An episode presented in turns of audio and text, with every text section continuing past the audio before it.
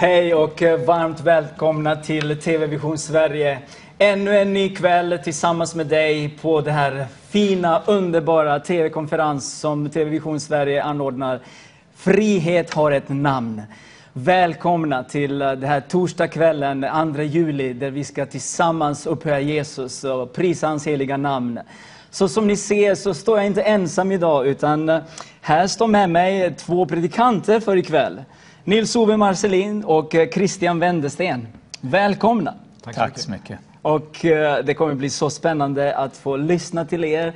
Eh, Christian har med sig sitt band från Göteborgskyrkan och eh, de kommer snart att uh, sjunga och upphöja Jesus. Uh, så jag hoppas att du är med från första början och prisar och upphöjer hans namn. Vi ska ha tre vittnesbörd också från Admir, Simon och Fredrik. Och det är fullspäckat schema. Jag hoppas att ni har laddat med kaffe och kakor och mackor, för det kommer bli en underbar kväll tillsammans. Men Nils-Ove, ja. Du har en eh, speciell relation till den här mannen till vänster, på den vänstra sidan. Ja, jag är väldigt glad att eh, få möta Christian på det här sättet. Eh, för många år sedan när jag började som pastor på Öckerö i Philadelphia där, så blev Christian frälst. Och eh, det är med en fantastiskt stor glädje som eh, jag får möta dig nu Christian så här många år efteråt och se att du har inte bara blivit bevarad utan du är i full tjänst för Herren. Ja. Det gläder mig. Amen. Så är det. Har du 1984. 1984. Det är 36 år sedan. Mm. Wow. Men han gjorde också någonting för, inte bara för dig, utan för dig och din blivande hustru. Ja. Han vigde oss. Ja, precis. Men han vigde så många så han kan inte komma ihåg alla. Nej, precis. Det är lite svårt. Men det var väldigt speciellt och du som har förmånen nu att få lyssna till Ove, som vi säger. Det har ju ja. blivit Nils-Ove nu. Ja. Och jag kommer också prata lite om namnets betydelse och namnets betydelse, så det passar bra. Mm. Så eh, får du höra en distinkt förkunnelse. För Ove han, han flödar med Guds ord. Och jag fick det här i, när jag var nyfödd i Herren. Ja. Så det är extra roligt för mig att få dela den här predikstolen med dig. Det har vi gjort förut. Ja. Vi var ju medarbetare mm. några år också, så det är fantastiskt. Så det gläder mig mycket. Halleluja. Är ni laddade? Yes. Är ni laddade? Yes. Amen. Är bandet laddat? Amen. Nu kör vi i Jesu namn. Var välsignad så börjar vi den här kvällen och lägger vi det här i Guds händer. Halleluja. Tack Jesus att du är med oss. Tack Fader att du välsignar den här kvällen. Jag ber att i ditt namn, när vi går i ditt namn, så bekräftar du ordet, varje sång, varje tanke. Herre, vi vill lyfta upp dig. Så var med oss. Var välsignad i Jesu namn. Amen. Amen.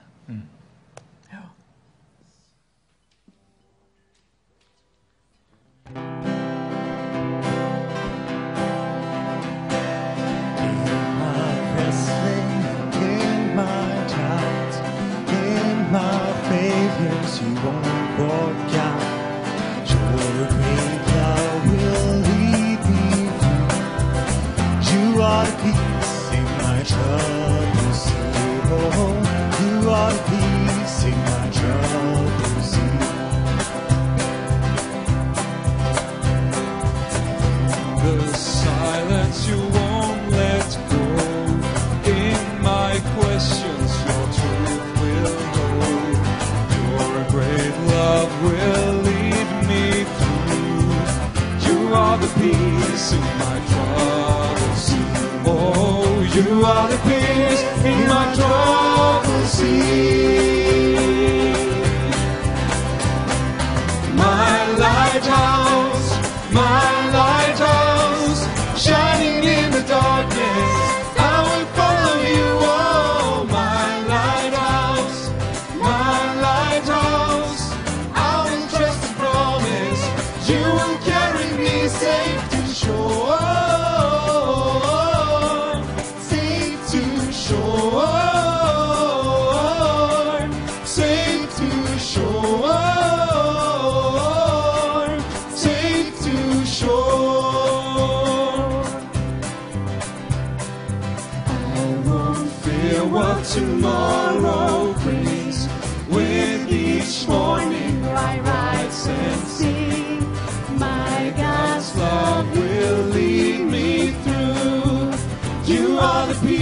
In my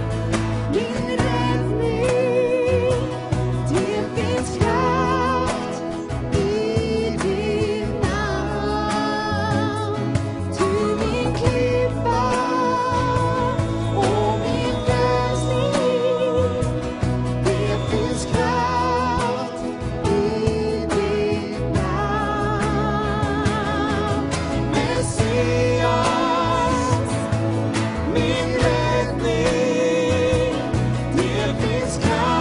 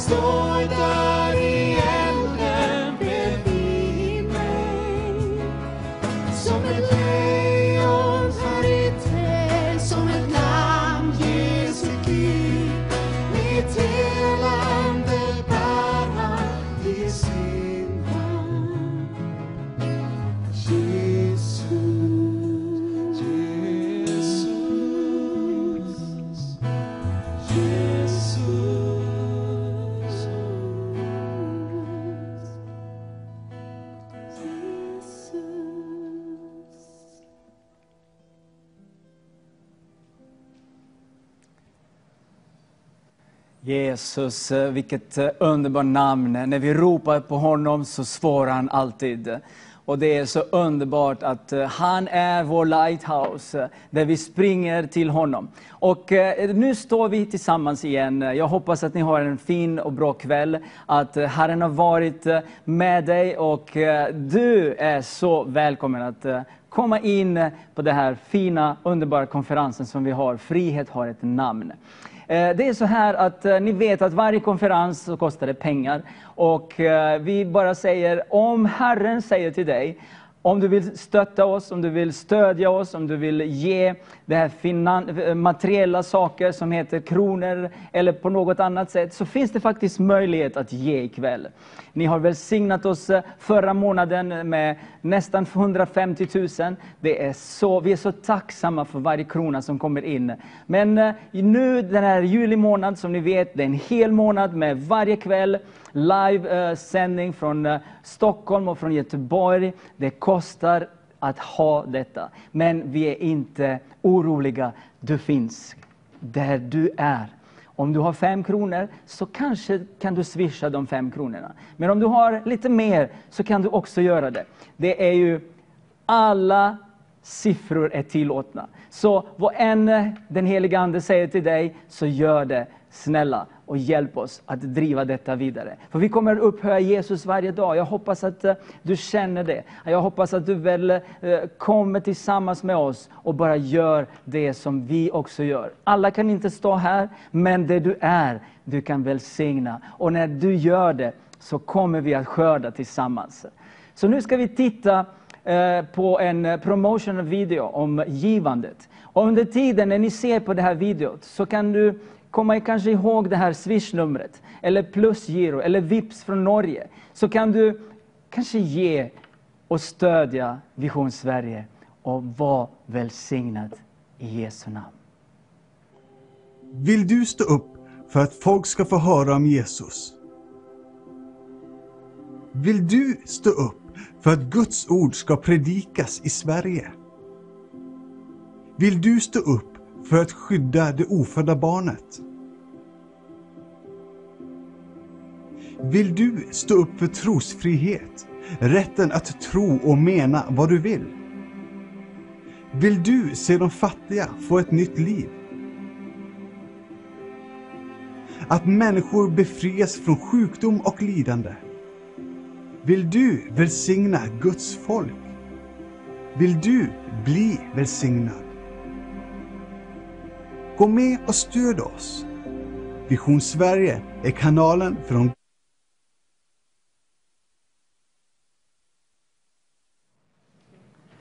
Så, tyvärr så blir det lite avbrott, men eh, nu är vi tillbaka. Och eh, här står jag med eh, en god vän till mig.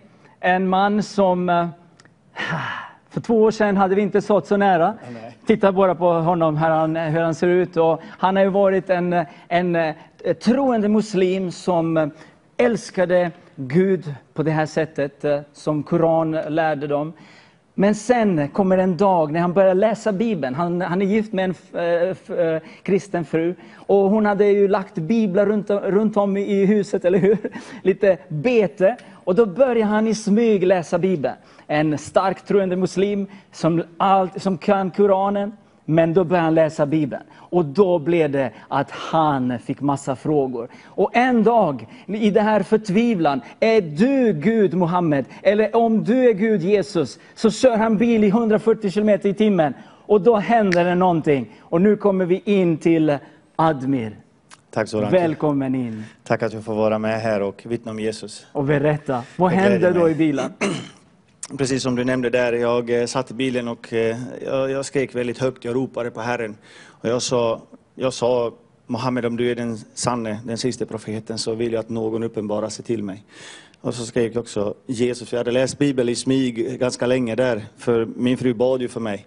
Men jag kunde inte tro att Gud kan ha en son. En Gud, den stora guden, kan inte födas i köttet. Han kan inte vara den allsmäktige, den alfan och omega, att han ska verkligen vara den som kommer ner till jorden för att rädda oss. Det, det, det, det, det kunde inte, jag kunde inte förstå det, för jag läste Koranen och Bibeln, Koranen och Bibeln. Men den dagen, precis som du berättade, då satt jag i bilen, jag körde den och jag tänkte, nu orkar jag inte mer. Nu måste någon rädda mig. Är det, är, du, är det verkligen den sidan? Då skrek Mohammed, om det är du den sanna, den sista profeten, så vill jag att du uppenbarar dig för mig. Och då sa jag, Jesus, om du är den sanne, den sanne, den levande, om du är Gud, då vill jag att du uppenbarar dig. Jag vill att du kommer till mig. För Bibeln talar att sonen väljer, sonen själv väljer vem han ska uppenbara sig till. Och Romarbrevet talar ju om att var och en av oss som ropar till Herren, var och en av oss som åkallar Herren så han ska bli frälst och räddad. Men någonstans tänkte jag, jag får ropa här nu, för annars kommer det, det kommer bli blodspill. För att jag, jag var så inne i det.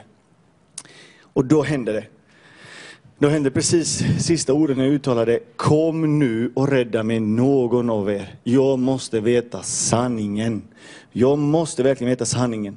För sanningen, Jesus säger själv, sanningen ska sätta er fria. Och då stannar det. Jag sitter i bilen, jag kör 140, 140 kilometer i timmen. Då fryser den fast. Mina händer är på ratten. Det enda jag kunde röra på det var mina ögon. Vänster, höger, upp och ner.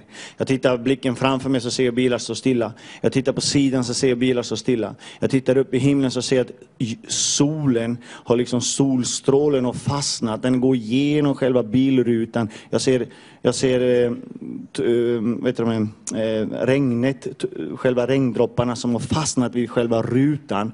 De nuddar inte rutan. Och då sa jag, jag är död.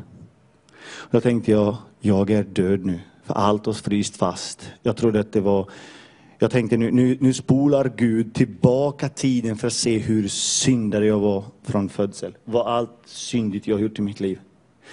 Jag var orolig för Koranen säger att jag började tänka att Azrael, Azrael är ju dödets, dödsängel, ska dra ner mig till Jehennem, alltså det är underjorden, det är eh, helvetet, för att tvätta mig ren.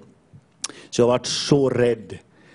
Och då tänkte jag, Gud, om du finns, rädda mig. Vem du än är. Jesus, om det är du, kom till mig. Kom, någon måste rädda mig. För jag har syndat, jag har varit syndare. Och då kom ju tanken, vad hände med min fru? Oj, vilken syndare jag har varit. Vad hände med mina barn? Oj, vilken syndare jag har varit. Vem ska rädda mig? Nästa sekund jag öppnar mina ögon, då står Jesus framför mig. Yes. Och då säger jag, är det du? Är det du som är Jesus? Är det du som är Gud? Han säger, det var du som ropade på mig. Men du är Gud. Är det du som är Gud, Jesus? Det är du som har kallat på mig. Ah, så tack. Skulle jag, skulle jag kunna, eller kan jag få krama dig? Då säger han, kom. Den, den, många människor frågar, hur var det? det är så svårt att förklara med jordiska ord. För den lyset som jag såg, den kärleken som jag fick när jag kramade om honom. Jag kände lukten, jag kände lukten av min mormor, min morfar, min farfar. Det var den kärleken oavsett vad jag gjorde. Så sa de alltid, jag älskar dig. Jag älskar dig. Det spelar ingen roll vad du gör, jag älskar dig. Det är inte vad du gör utan hur mycket jag älskar dig. Då visste jag att jag var hemma. Och då ville jag inte gå tillbaks. Utan jag ville stanna där. Fantastiskt. Det är så underbart. När du kallar på Jesus så svarar han. Ja, Precis som du säger. Och eh, den här stunden räckte för dig. Och eh, Herren förvandlade ditt liv. Du gick eh, hem till din fru, bad om förlåtelse. Jag blir så glad, jag vet eh, det du berättar när du sa Lotta, jag har träffat Gud. Och hon bara tänker, nu kommer han hem. Ja. Men sen den dagen Ja. så började du vandra med Jesus. Ja. Det här är betet som, som du stolt har med dig. Du kan vara ortodox med ortodoxa, katolik med katoliker. Du kan vara muslim med muslimen till en viss del. Men sen när, när, när, när, när tillfälle ges, då öppnar du upp eh, himmelen för dem. Det, det jag gör jämt är att jag tar alltid tillfället att vittna om Jesus, vad Jesus gjort i mitt liv. Och, och jag kan aldrig vara någon annan, utan jag är den jag är när han kallade på mig att vara den jag är. Och då säger jag bara, det är Jesus, det är inte jag. Jag är en människa, men det är han som har kallat mig. Det är han som älskar mig och jag älskar honom. Jag älskar Jesus och då vill jag att, att fler människor att de ska få lära känna Jesus. För där Jesus finns, där finns kärlek, det finns ljus, det finns liv, det finns gemenskap, det finns allt. För att han är verkligen, vill jag hälsa ut till alla våra, alla våra bröder och systrar, där Jesus Kristus finns så finns det inga gränser. Det finns inga nationaliteter. Det finns inga, det finns inga jag, du, han och dem, utan det finns vi. För det är bara genom Jesus Kristus, det är bara då vi får lära känna våra syskon i tron. Halleluja. Fantastiskt Admir. Jag tycker bara att eh, det det här är så underbart när Jesus, eh, han vet exakt hur han ska nå till dig. Han vet exakt hur han ska nå till dig. Och jag, ska be, jag skulle be dig att be för de som, som kanske grubblar över det här. Är jag ateist? Är jag muslim? Är jag buddhist? Eller är jag eh, på något sätt så att eh, Jesus ska uppenbara sig för dem just ikväll, den här kvällen. Skulle du inte vilja be för dessa människor? Fader. Fader jag tackar dig att jag får stå här och vittna för dig. Tack. Fader, tackar dig din nåd. Amen. Tackar dig inte gärningar. Tack att du älskar oss. Tack att du har skapat oss allihop. Herre, jag ber, kom med din ande över de människor, din Guds heliga ande över de människor som just nu i den här sekunden funderar eller tänker, Gud finns du? Herre, låt dem uppenbara sig för dem. Låt dem få känna din kärlek. Låt dem få se och få känna och få, och få den här härlighetens härlighet få känna i sitt hjärta, här och med nu. Kalla, var en av er som kallar på Herren, han kommer svara. För vi tror på den levande guden. Jesus är detsamma som han var igår och idag, imorgon. Det spelar ingen roll vart ni befinner er just nu. Bara åkalla hans namn. Släpp honom in i ditt hjärta. Öppna alla dina sinnen och säg Herre, om du finns, kom till mig nu. Jag vill vandra med dig. Jag, jag sträcker ut mina händer efter dig Jesus. Kom till mig och jag lovar er, han kommer komma. Han kommer komma i Jesu namn. Amen, Fader. Amen. Tack så jättemycket Admir. Tack att jag får vara här och eh, som vittna. ni ser på skärmen så, så ser ni ett nummer, 08-nummer.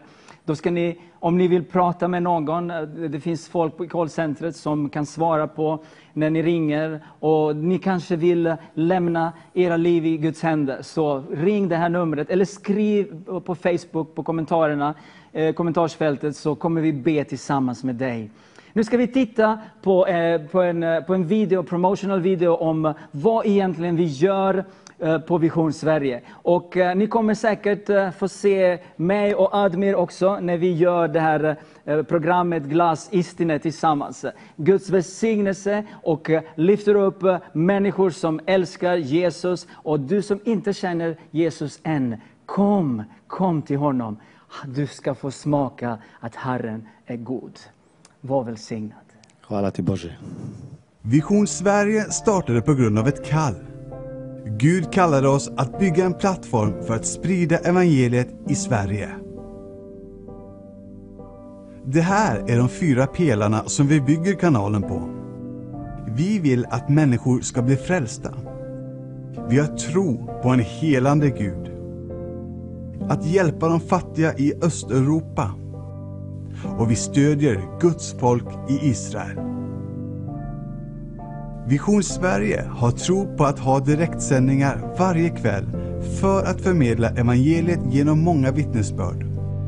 Och varje år delar över 500 personer sina vittnesbörd under våra direktsändningar.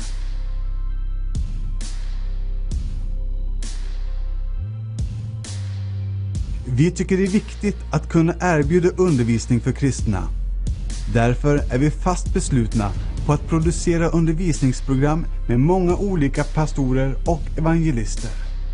Och det är också därför vi har producerat över tusen program med flera av Guds män och kvinnor som undervisar i Bibelns budskap. Vi har alltid haft ett hjärta för att nå invandrare i Sverige som inte har svenska som modersmål. Därför har vi måndagar och tisdagar live arabiska från Stockholm med pastor Mersek Boutros. Onsdagar, torsdagar och fredagar sänder vi live på persiska och afghani. Varje lördag sänder vi det första kristna programmet i världen på kroatiska, serbiska och bosniska med Soran Kovacevic som programledare. Och från hösten 2020 börjar vi med en timmes spanska varje lördag. Varje söndag är en supersöndag. Och vi önskar att ge många olika församlingar möjlighet att sända sin gudstjänst och nå ut till fler människor genom Vision Sverige.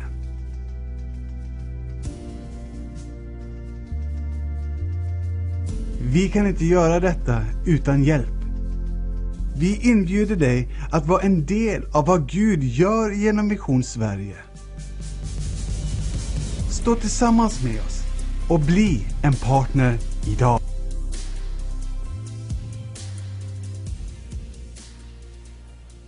Det sägs att eh, människan är obotligt religiös. Och det ligger verkligen någonting i det. Därför att eh, överallt i alla tider så har människan trott på någonting som är större än henne själv. En kraft, en gud eller någonting utomjordiskt. Men eh, oavsett vad vi tror på, om det så är slumpen, så är vi bundna till vår tro. Och det vi tror på kommer att eh, påverka hela vårt liv. Inte bara här i tiden, utan ända in i evigheten. Och jag läste någonting häromdagen utav en eh, romersk filosof som hette Seneca den yngre. Och eh, han, han säger så här. Visa mig en person som inte är slav. Den ene är slav under sina sexuella lustar. Den andra är slav under sin girighet. En är slav under sina ambitioner, en annan under hoppet. Alla är vi rädslans slavar. Och det stämmer med Bibelns undervisning. I Romarbrevet 6 och 16 så står det Vet ni inte att om ni är slavar under någon och lyder honom, då är ni hans slavar och det är honom ni lyder. Men eh, om vi är slavar, då behöver vi uppleva frihet. Och det är precis det som är rubriken för den här konferensen. Friheten har ett namn. Och det namnet är Jesus. Och om Jesus är en verklighet, om Gud finns, ja då är det ju utav allra största vikt att vi verkligen får komma i kontakt med honom och lära känna honom. En del menar att eh, ja, det är ungefär samme Gud i alla de olika religionerna, bara lite olika uttryckssätt. Men jag vågar påstå att eh, ingenting kan vara mer felaktigt. Eh, det är en skillnad som natt och dag. Hurdan är Bibelns Gud?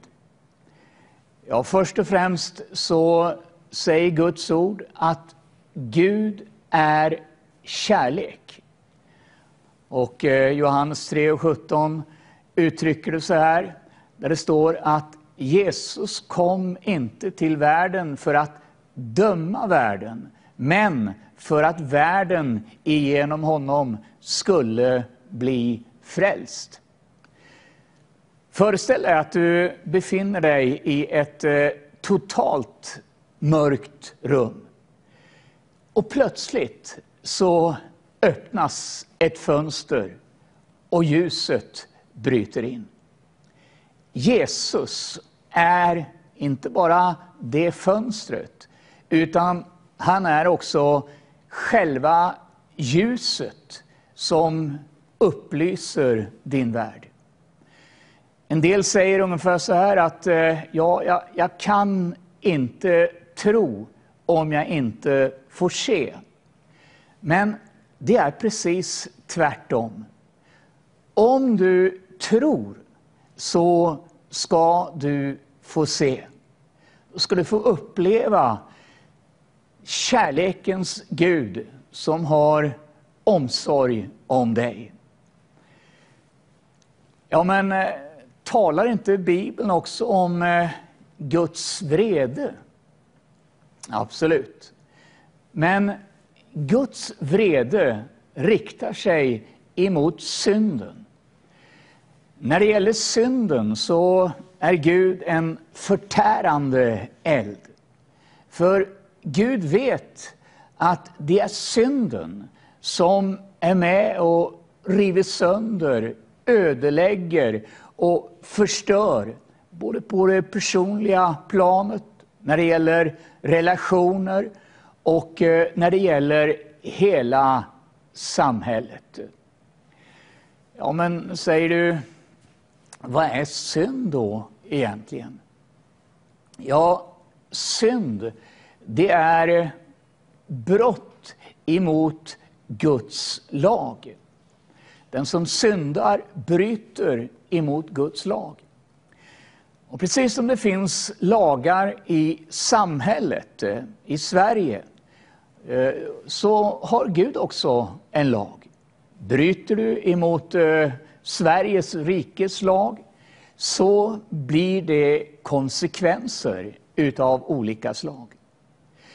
Men när det gäller Guds lag så kan den lagen inte justeras och anpassas precis som Sveriges rikes lagar gör. De förändras lite grann med tiden utifrån människors allmänna moraluppfattning och, och vad som kan anses okej. Okay. Men Guds lag, den är helig.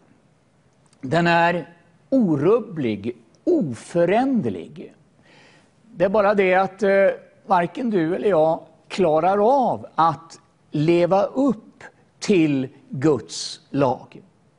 Och det gör att eh, vi är dömda efter Guds lag. Det skapar naturligtvis ett problem. Men det fantastiska är att Gud själv löste det problemet genom att själv ta straffet för brott emot sin egen lag. Och det är det vi kan läsa om i Jesaja, det 53 kapitlet. Där står det så här. Han blev genomborrad för våra brott, slagen för våra synder. Straffet blev lagt på honom för att vi skulle få frid. Och därför så handlar det i grund och botten om att lära känna Jesus. Att få uppleva en personlig relation till honom. Det är bara det att bilden utav Jesus, den har i alla tider på olika sätt eh, förvrängts. Så att man ser inte klart vem Jesus egentligen är. Tidigare, innan Jesus kom, så tillbad människan naturen, solen, månen, träd, stenar och gudabilder skapade av människan. Men när Jesus kom, då säger han häpnadsväckande, sensationellt. Den som har sett mig har sett Fadern. Så Jesus är den perfekta, fullkomliga uppenbarelsen utav Gud. Det är som det står i Kolosserbrevet, han är den osynlige Gudens avbild, förstfödd före allt skapat. När vi läser Bibeln så kan vi se ifrån första Mosebok och genom alla bibelböcker ända till Uppenbarelseboken hur, hur Jesus faktiskt träder fram och talar till oss genom bibelordet. Det är bara att, det, att, att människor har eh, i alla tider haft sin egen teori om Jesus. Det började redan på det första århundradet med en teolog som hette Nestorius som sa ungefär så här att eh, Jesus är egentligen två personligheter. En mänsklig och en gudomlig. Och det följdes upp av nästa teolog som heter Apolloniarius eh, som sa att ja, Jesus är egentligen treenig. De mänskliga delarna det är hans kropp och hans själ. Men den gudomliga delen det är hans ande. Men när vi läser Bibeln om Jesus så kan vi se att Jesus var 100% människa och samtidigt så var han 100% Gud. När Jesus vandrade här på jorden, då vandrade han här som människa. Jesus måste tillägna sig kunskap, precis som vad du och jag måste göra. Det står att han växte till i nåd och, och kunskap och visdom. Jesus blev trött och, och, hungrig, precis som vad du och jag blir. Eh, Jesus utsattes för prövningar och, och frestelser som du och jag gör. Och han hade inga andra vapen att möta detta med än vad du och jag har. Jesus upplevde sorg, precis som vad vi gör. När han stod utanför Lazarus grav så grät han som en människa. Jesus var 100% människa. Och därför står det att eh, vi har inte en överstepräst som inte kan ha medlidande med våra svagheter, utan en som varit frestad i allt, lika som vi, men ändå utan synd. Så Jesus, han vet exakt vad det innebär att vara en människa. Han vet om din situation och, och dina behov. Han känner för dig. Han har medlidande med dig och vill dig det allra bästa. Så man kunde tycka att, eh, att Gud liksom bara kunde sagt någonting i stil med att eh, nu, nu vänder vi blad här. Nu glömmer vi det som har varit och så börjar vi om igen. Och så kunde han naturligtvis ha skapat en helt eh, ny människa utav jordens stoff, precis som han gjorde med Adam. Det är bara det att då skulle den människan inte ha varit en del utav människosläktet och kunde inte ha representerat dig och mig. Gud kunde också ha valt att eh, gå in i en befintlig person. Men då skulle den personen, precis som de här teologerna från första århundradet, har varit just eh, en, eh, två personligheter i en. Eh, Gud och människa i, i samma kropp. Men då skulle han inte kunna representera dig och mig. Gud löste det så fantastiskt genom att eh, den helige ande kom in i en kvinna och eh, så föddes Jesus eh, precis som en människa samtidigt som han var Gud. Hur gick det till egentligen? Jo, det intressanta är att eh, när en människa kommer till så är det ingenting utav moderns blod som överförs till barnet. Och så var det med Jesus. Hans blod, det var gudomligt, det var heligt, det var rent. Och därför så kunde Jesus frambära sitt eget blod som ett eh, evigt offer och försona dig och mig inför Gud. Så i Jesus möttes både Gud och människan och eh, så uppenbarade Gud den yttersta kärleken på korset när Jesus gav sitt liv för dig och mig. Och så betalade han priset. Han tog straffet på sig och eh, kunde på det sättet sätta dig och mig fria. Och I Gamla Testamentet så får vi en väldigt fin bild utav detta. Eh, när en brottsling hade ertappats, eh, låt oss säga att eh, det var en, en tjuv som eh, hade stulit något. Då var straffet eh, att eh, tjuven skulle betala tillbaka dubbelt så mycket som han hade stulit. Och, och gjorde han inte det, ja då fördubblades beloppet så att han fick betala tillbaka fyra gånger beloppet han stulit. Men eh, om han av någon anledning inte gjorde det, ja, då fick han sälja sig själv som slav. Och så fick han slava ända till dess att eh, hela beloppet var betalt. Men det fanns två möjligheter. Det ena det var om han hade en rik släkting som kunde betala straffet. Det andra det var att han väntade till dess att jubelåret inträdde. Vart femtionde år då var det något som kallas för jubelår, då alla slavar skulle bli fria.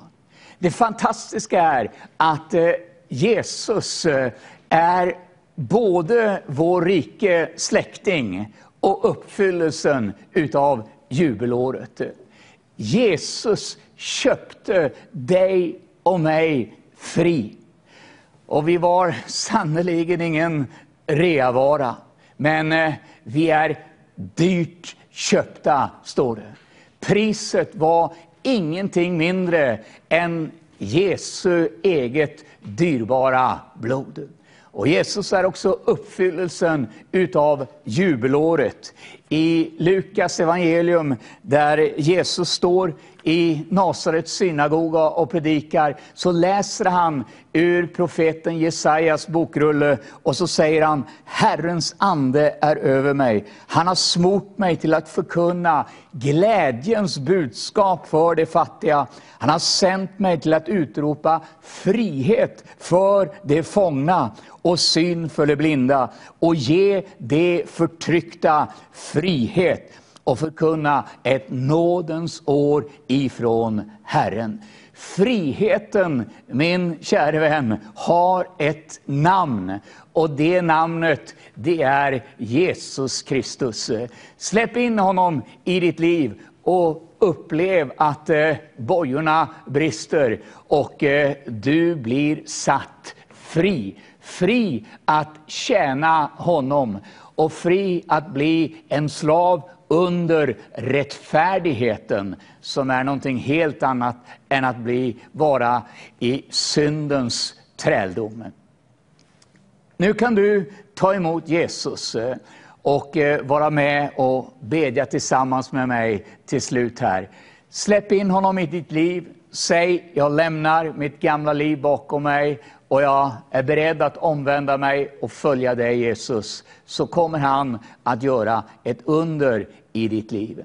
Tack Jesus för att du ser var och en som eh, av hela sitt hjärta vill följa dig, som vill uppleva den frihet som du har att erbjuda. Tack att du är mäktig att bryta varje boja och varje länk och sätta människor i frihet. I Jesu namn. Amen.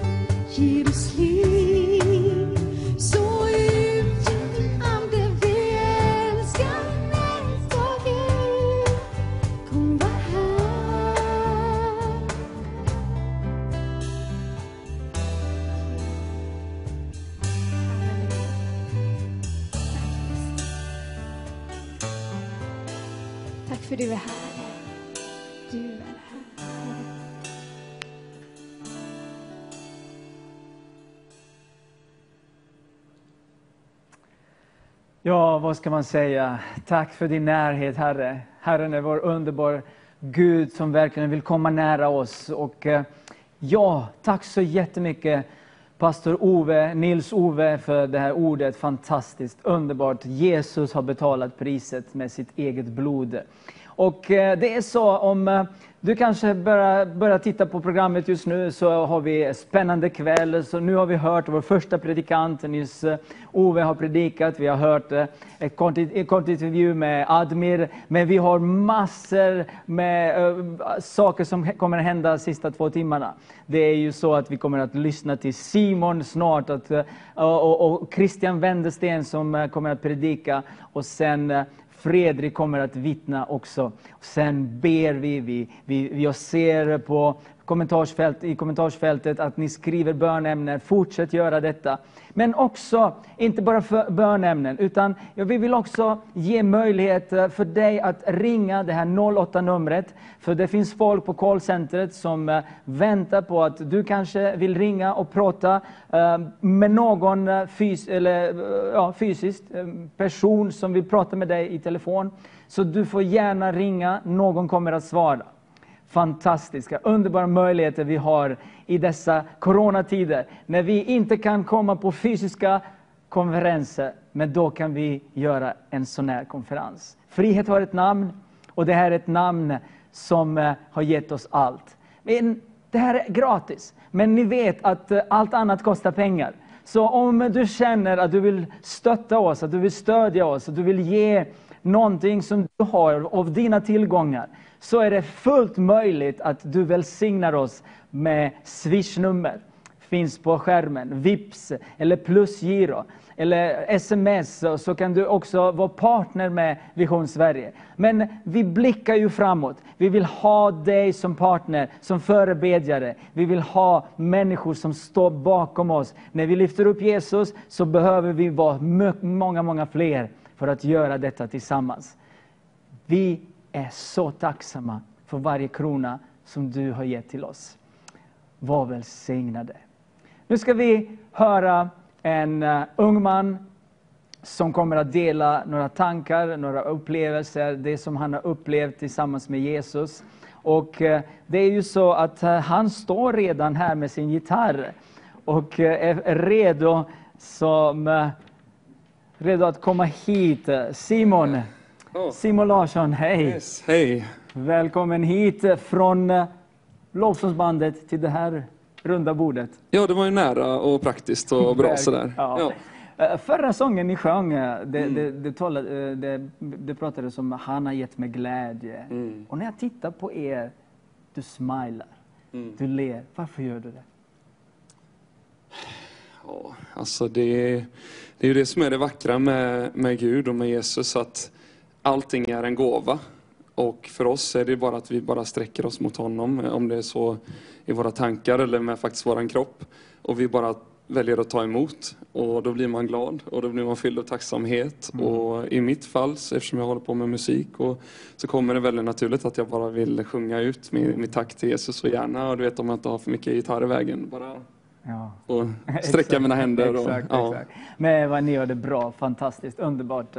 tack. Ja, ni ska fortsätta och lova Herren. Men eh, vi vill inte prata så mycket om musiken just nu. Du ska ju fortsätta, eller ni ska fortsätta och sjunga och lova. Men eh, vi vill gärna höra vem du är och eh, hur blev du frälst och, och lite så. Eh, lite om dig. Ja, jag heter Simon som sagt och jag kommer ifrån Göteborgs skärgård här utifrån, på Styrsö. Eh, och jag har egentligen alltid varit kristen och jag har alltid trott på Jesus och, och sådär. Jag döpte mig när jag var 12. Eh, men sen har våra föräldrar, det är min syster som står här borta också i lovsångsteamet, och våra föräldrar har alltid sagt att eh, att vi inte bara kan leva på deras tro och gå till kyrkan bara med dem hela tiden, utan vi måste också få uppleva Gud och eh, få vår egen relation med, med Gud. Så de har ju alltid upp, eh, uppmuntrat oss till att åka iväg på läger och liksom verkligen få vara lite själva också och bara få, få upptäcka vem Gud är.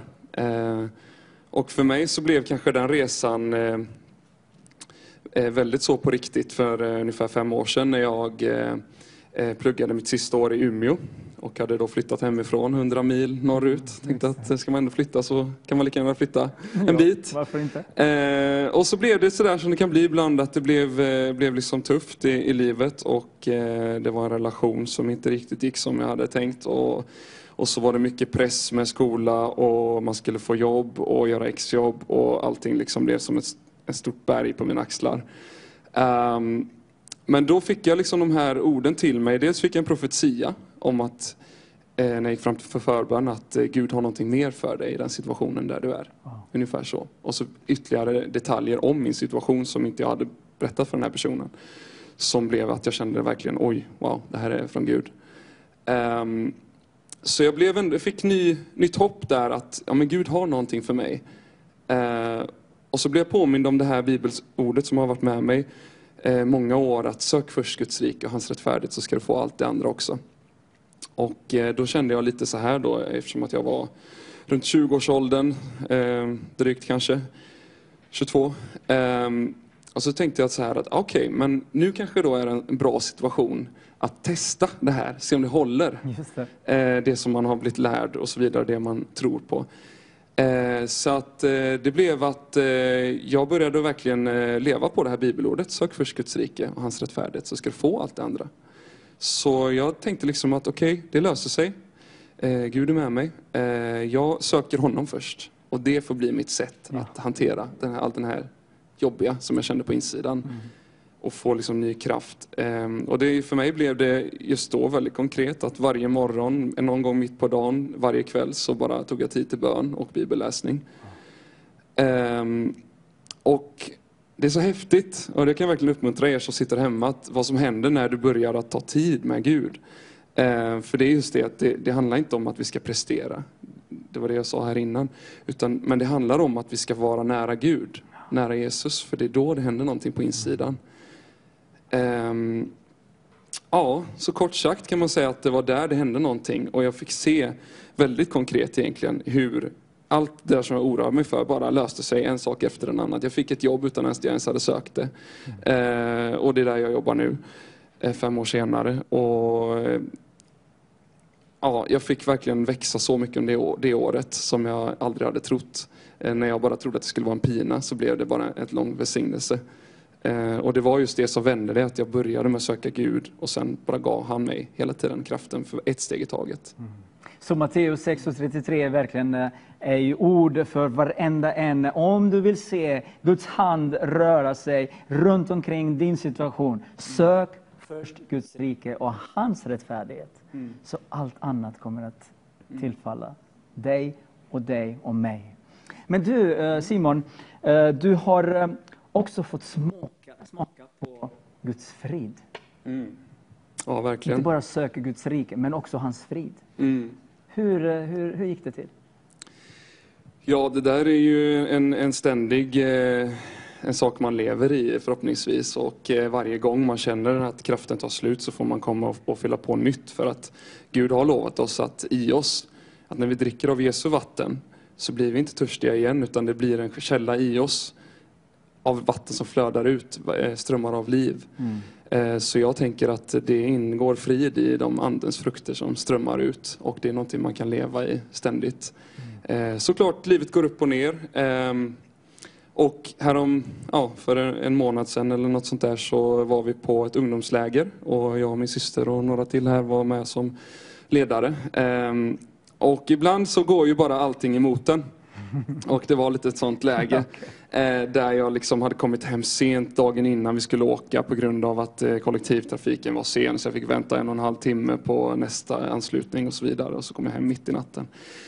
Eh, och sen var det jobbiga grejer som hade hänt i veckan som jag liksom bar med mig in i det här lägret. Och till råga på allt, när vi ska ha första lovsångskvällen och jag ska vara med och spela, så kopplar jag in mobil i ljudsystemet eh, och så är det en strömförande kabel så att den slås ut direkt.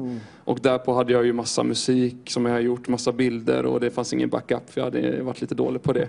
Så det, det blev för mig liksom det här att Wow. Det också. Liksom. Ja, jag orkar inte det just nu. Det blev lite, så jag gick ner och satte mig i vår stuga och tänkte här får jag vara lite lugn och ro. Så får jag liksom eh, hämta ny kraft. Ehm, men så var det ju tungt och sådär. Ehm, men det är egentligen så jag ville dela ehm, till er där hemma också. Eh, det är just detta att vad som händer när du får komma in i Guds närvaro. Hur den kan te sig. Alltså Gud är alltid där men frågan är ju ibland bara om vi är mottagliga. Ehm, och just då var jag ju ganska fylld av, av andra saker än, Guds frid. Jag kan tänka mig. Eh, och jag var till och med, jag kände nästan en, en liten gnutta bitterhet att så här, jaha, var det inte nog redan som det var? Så var det nödvändigt det här liksom? Ehm, men det som händer då är liksom att vi har bara ett långt lovsångspass. I, vi höll på säkert en timme, bara flöda i lovsång efter predikan. Och, och lovsång innan också. Eh, och ungdomarna var ju bara där och bara prisade Gud och det var helt fantastiskt. Och sen efteråt så kände jag bara att så här, wow, det har verkligen, det finns inget kvar av de här känslorna som var jobbiga som jag hade innan. Och det var precis som att det hade bara sköljts över mig liksom, en, en ström av bara Guds frid. Ehm, och det är egentligen det jag vill säga till er som är där hemma också, att eh, nu när vi lyssnar på undervisning och, och vi är med i lovsången, ehm, då, blir, då tar vi oss till den platsen där vi kan få möta Gud. Alltså vi gör oss tillgängliga för hans ande som alltid är här. Eh, och att bara låta er bli betjänade av Guds ande. För då kan det bara skölja av allting. Eh, han ger oss nytt hopp, han ger oss ny kraft och glädje så vi kan stå och prisa fast det har varit kanske en jobbig gårdag. Så det blev en hel vändning och sen var det lägret fantastiskt och sen eh, tänkte jag inte på det mer. Att, Du, eh, du, vet, du, har, du har sagt till mig att du har smakat på det som världen ger Mm. och du har smakat på Gud. Och den här eftersmaken Mm. som Gud ger, den är mycket, mycket godare. Stämmer det? Precis. Ja, och det var ju en sån reflektion som kom då, speciellt efter det där, att så här, wow. ehm, eller bara varje dag när man tar tid till bibelläsning eller bön, att eftersmaken är alltid så god. Men om du går till affären och köper massa godis och kollar på en, en film, så känns det rätt bra också i stunden. Men skillnaden är efteråt. Alltså, det smakar aldrig riktigt bra efteråt, sådana där kickar i stunden. Men det där, Guds frid är liksom någonting helt annat och när man väl får smaka på det så lämnar det bara en sån god eftersmak och då vill man ha mer. Och, och där är ju, ingen av oss är ju perfekta människor. Alltså vi är fortfarande människor, vi gör fel. Men vi är Guds barn och liksom en mänsklig, eh, mäns- mänskliga föräldrar lämnar inte sitt barn för att de eh, har sönder någonting till exempel. Exakt. Eller är olydiga. Utan de bara fortsätter att ge kärlek. Och eh, om då vi människor kan, kan ge kärlek på det sättet skulle inte då Gud älska mig fast att jag gör fel ibland. Amen. Eh, Så att, ja. Tack det så tänkte på. jättemycket Simon. Det var så underbart att höra. Det du har sagt, eh, det här eftersmaken är ju så mycket godare. Man äter godis och efter en timme så känner man tyngd i magen. Dricker man, äter man chips och cola så kan man inte sova eller någonting annat. Men äter man ordet, då kan man alltid göra rätt för sig. Så en grej jag skulle vilja tipsa, Ja. som jag har börjat med, det är en ny vana som eh, handlar just om detta. Och det är att när jag borstar tänderna på kvällen så brukar jag alltid sätta på Bibeln på bibelappen, U-version, eh, på play. Och så lyssnar jag medan jag borstar tänderna.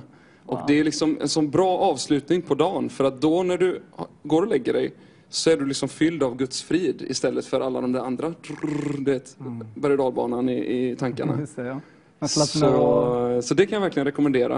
Eh, Det är fantastiskt. Underbart. Mm. Tack så jättemycket. Ja, tack. Nu ska du ställa dig tillbaka till, bakom din gitarr och eh, nu ska vi få höra två nya sånger från bandet. Men eh, det som eh, Simon sa, det är ju att testa Jesus. Det kommer bli fantastiskt. Jag kommer ihåg, jag fick ju en, en sån där uh, uh, klister som man klistrar på bilen på engelska, där det står, där det står uh, Try Jesus, if you don't like him, the devil will always take you back. Så jag tänkte, det var ju så fantastiskt att eh, det finns ju möjlighet att testa Jesus. Om du inte gillar honom, djävulen vill alltid ta emot dig tillbaka till, till sig. Men du kommer aldrig vilja gå tillbaka till djävulen om du testar Jesus Kristus. Han har gett allt till, oss, till dig och mig. Han vill att vi ska äta honom, dricka honom, tänka på honom och leva tillsammans med honom. Så nu fortsätter vi att eh, upphöja Jesus. Och efter de två sångerna så välkomnar vi in eh, eh, Christian Wendersten som kommer att dela Guds ord med oss.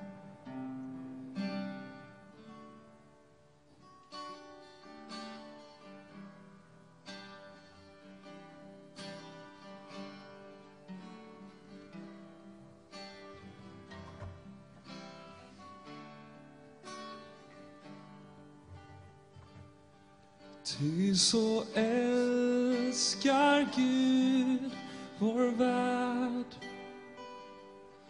att han gav sin ende son så att den som tror inte ska förgås utan leva i evighet.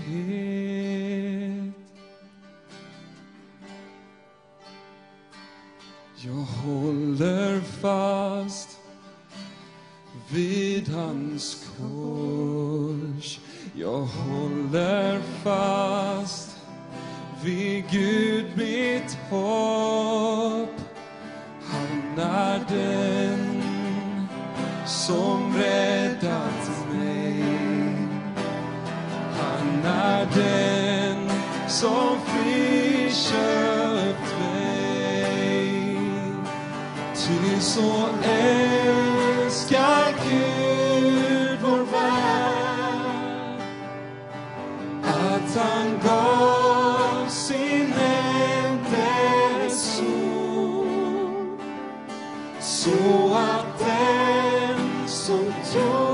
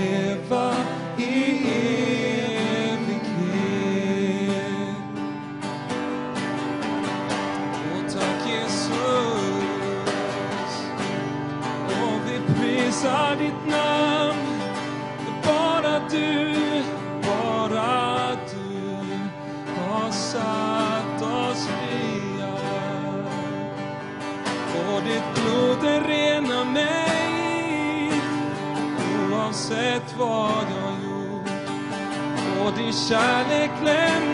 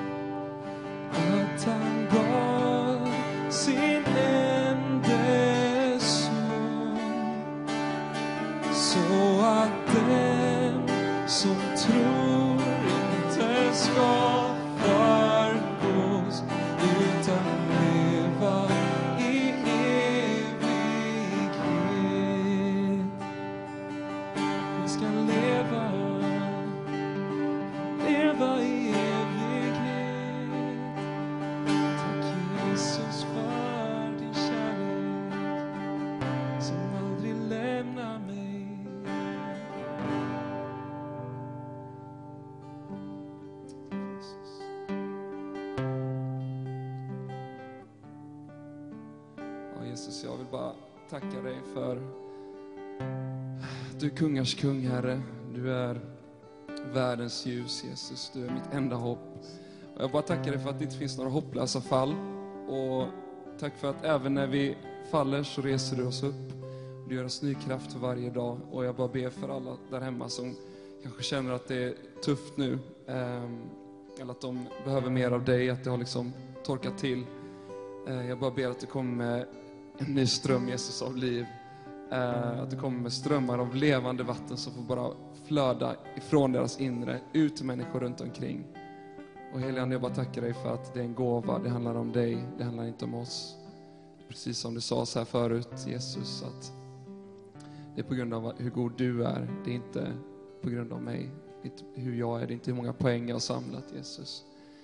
Så jag bara tackar dig för att vi får stå i nåd bara framför dig och ta emot. För att du är god, för att du är en god far. Du vill dina barn det bästa, Herre. Mm, tack Jesus.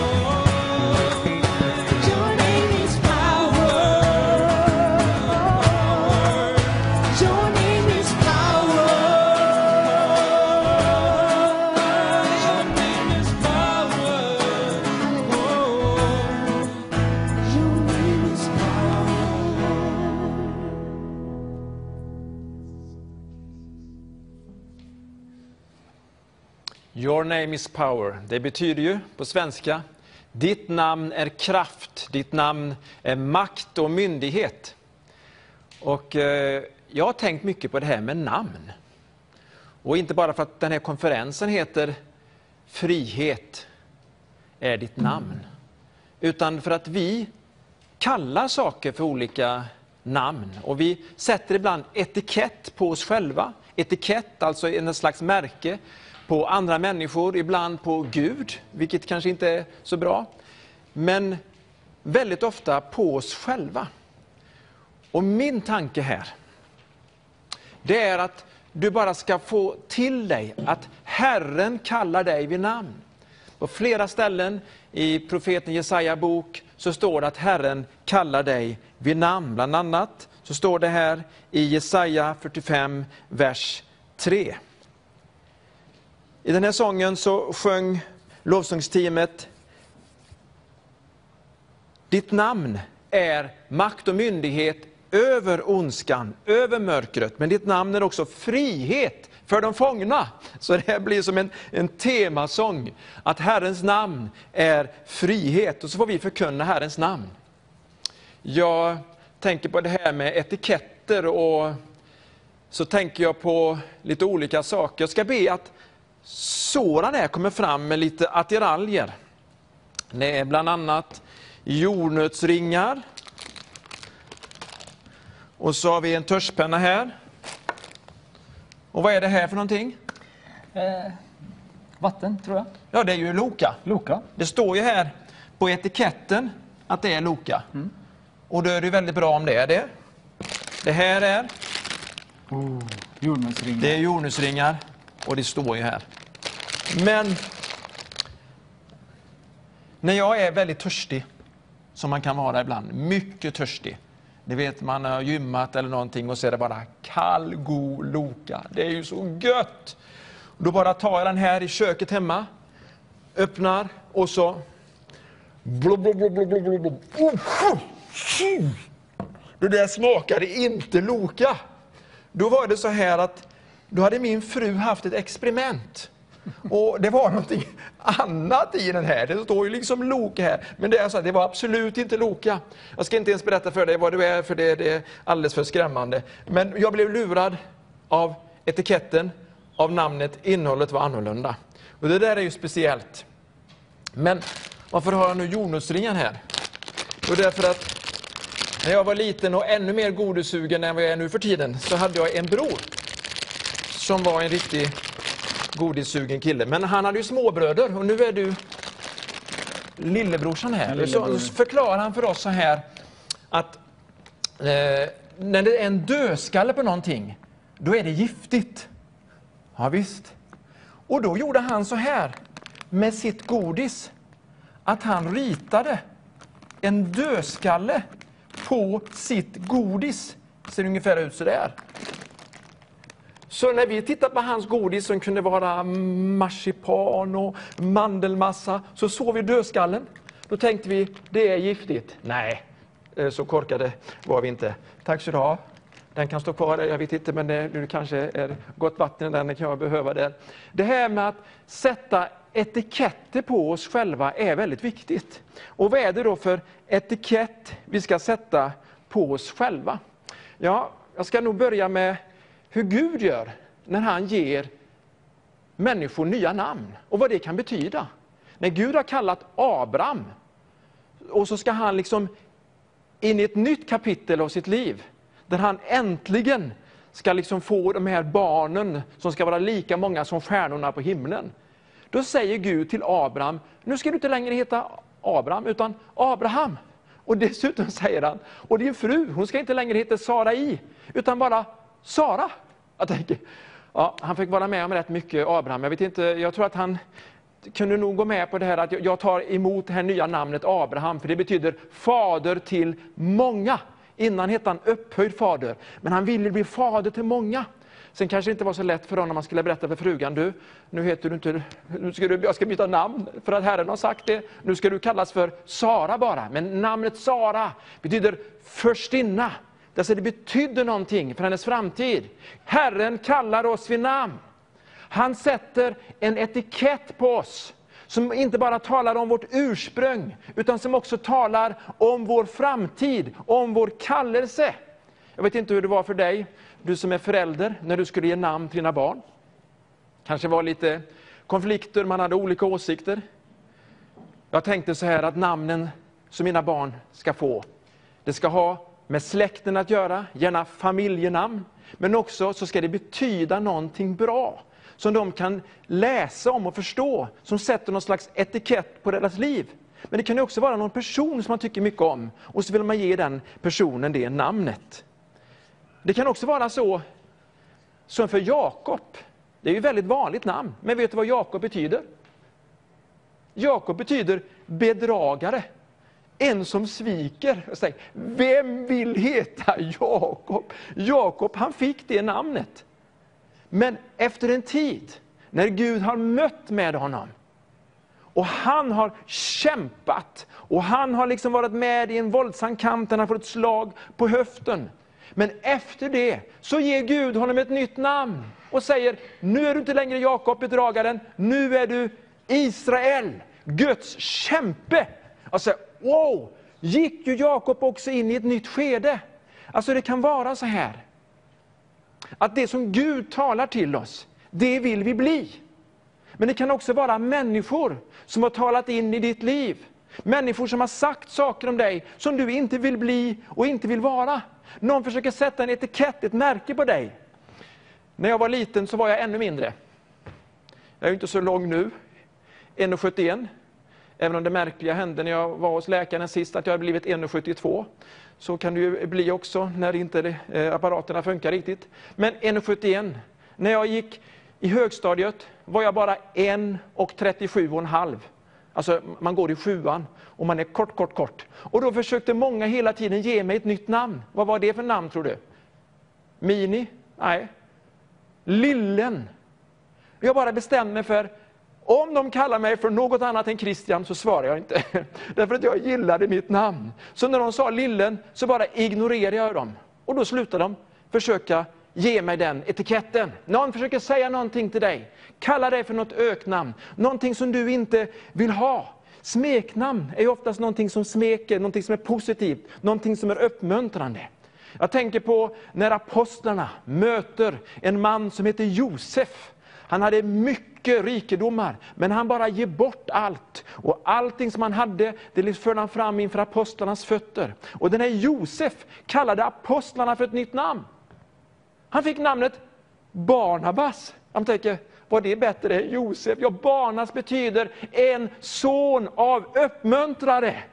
Tänk att få ett sånt namn utav de ledande i församlingen. Du är uppmuntringssonen, du är tröstens son, du är den som ska styrka oss i Gud. Alltså, vi kan ge varandra namn i Herren. Vi kan ge varandra namn som talar om den kallelse som Gud har gett oss. Vi kan vara med och profetera in en ny identitet, den som Gud har ämnat åt oss att ha. Vilka är vi då?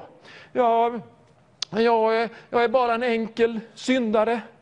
Ja, men, vi har syndat. Men Gud, han har fött oss på nytt.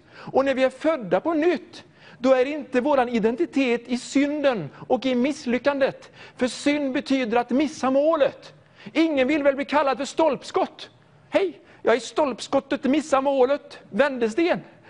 Alltså, du kanske tycker att det är ödmjukt att du kallar dig för syndare. Bara för att Paulus sa en gång att jag, den jag var den största av syndare, så har ju det med undervisningen och förståelsen att göra av hur stor Guds nåd är mot oss. Men vår identitet är inte att vi är syndare, därför att Gud han har frälst oss.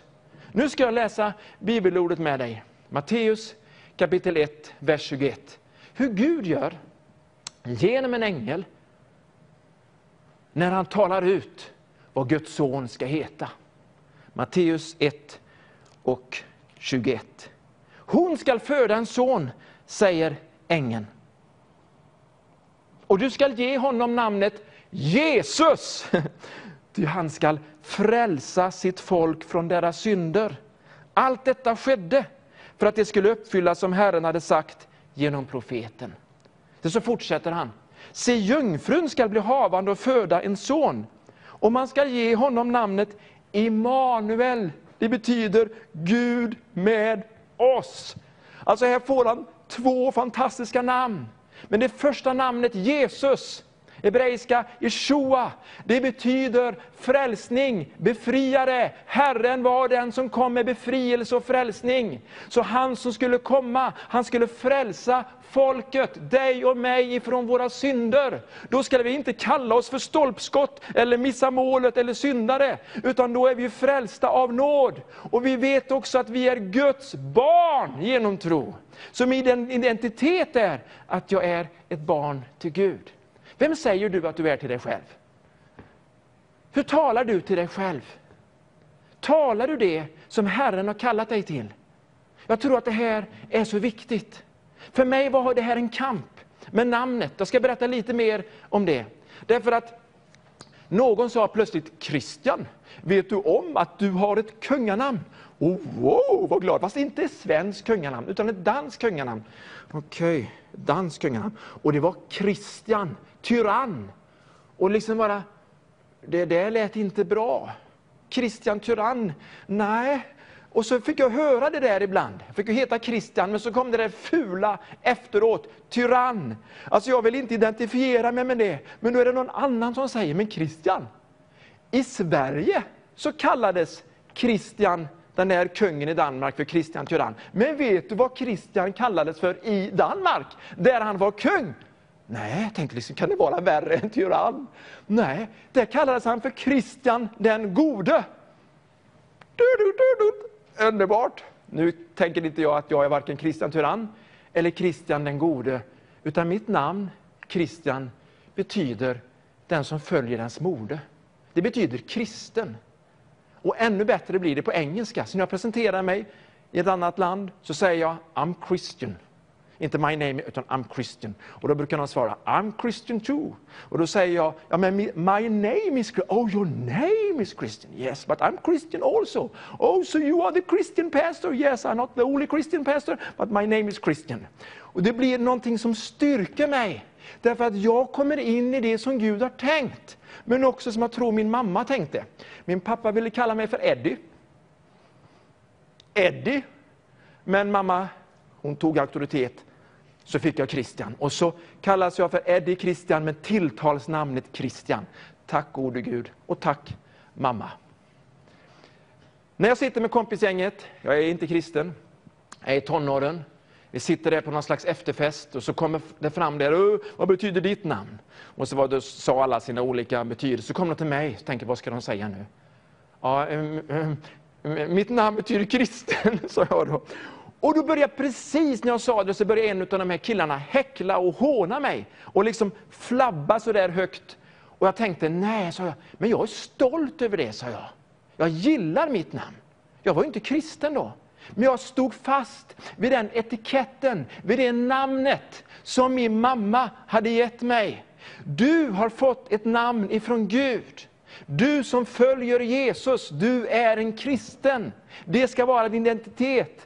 Du som är född på nytt, född av hans ande. Hans ande inom dig säger med din ande, du är Guds barn. Vem är du? Du är Guds barn. Prins, prinsessa, Gud, han är kung. Vi är kungabarn. Det är väl en mycket bättre identitet. Jag tänker också på att det kan bli helt fel.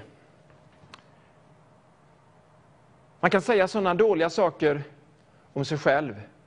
Men också för att man har fått en negativ upplevelse av Gud. I Ruts bok så står det om en kvinna som heter Nomi. Hennes namn betyder den ljuvliga, eller favör, eller kanske till och med den lyckliga. Men när de kallar henne för Nomi så kalla mig inte för Nomi. Kalla mig för Mara, säger hon. Mara betyder bitterhet. Alltså, man hör ju liksom bara där, det där är inte bra. Och så säger hon, den allsmäktige har låtit allt det här onda hända mig. Jag har blivit änka, jag har förlorat mina söner, jag har förlorat allt mitt land, allt vad vi äger. Kalla mig inte för den lyckliga, den ljuvliga, kalla mig för den bittra. Men svärdottern, Rut, hon visste, hon är Nomi. Hon är min svärmor. Hur gick det nu då? Jo, Gud i sin nåd Fast vi tänker fel om oss, så är hans tankar större än våra tankar. Hans planer, tankar så mycket högre än våra tankar. Och han har en god plan med våra liv. Och den etiketten, det märke som han har satt på oss, den kallelse som han har med oss, den vill han genomföra.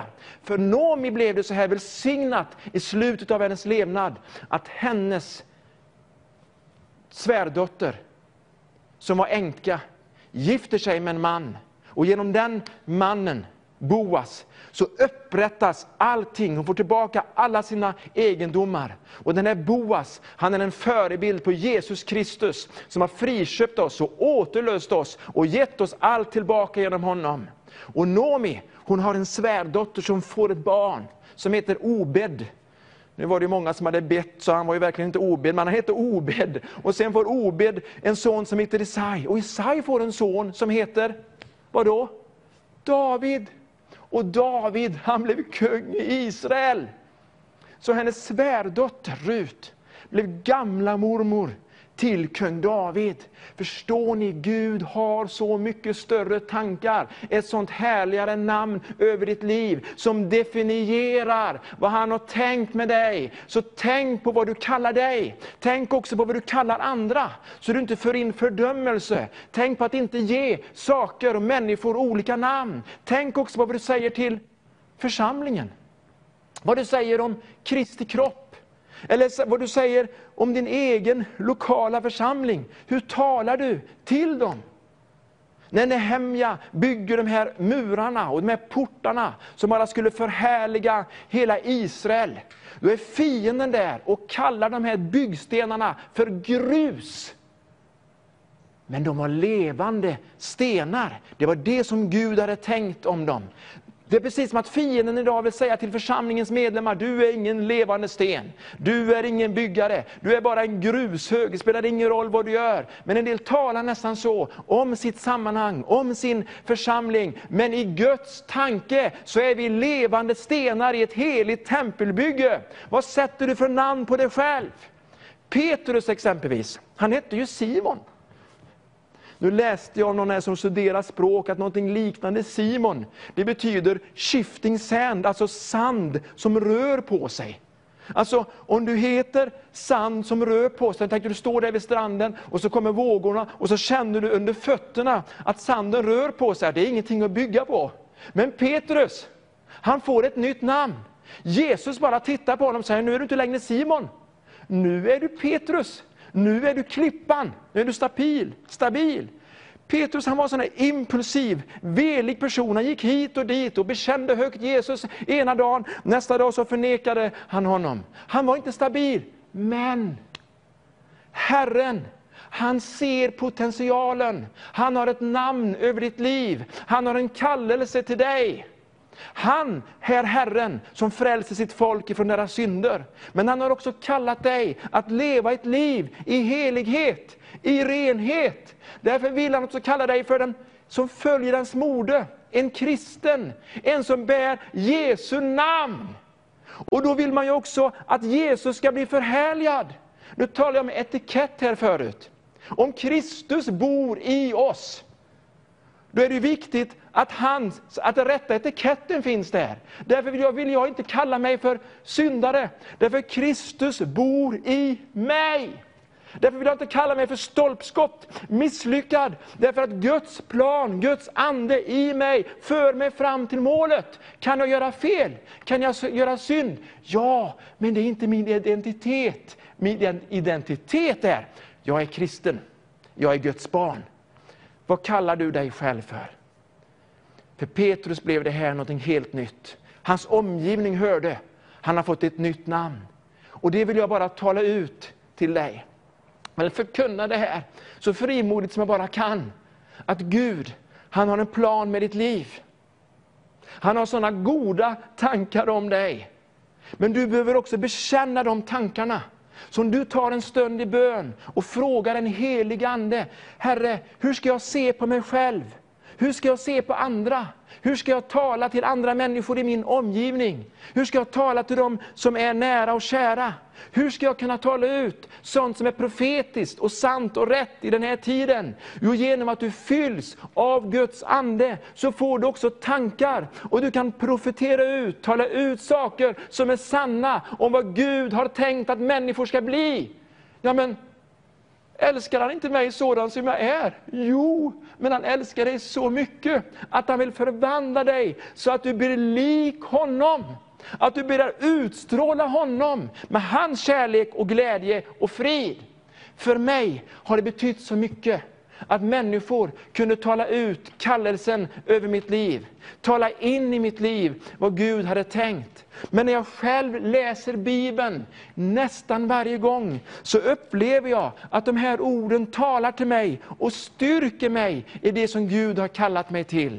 Och du som ännu inte känner Herren, du undrar hur ska det gå med mig?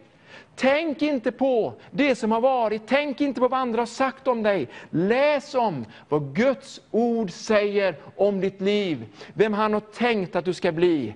En Jesu Kristi efterföljare, en lärjunge, en kristen, ett Guds barn. Nu ska jag landa här, jag ska be en bön tillsammans med dig.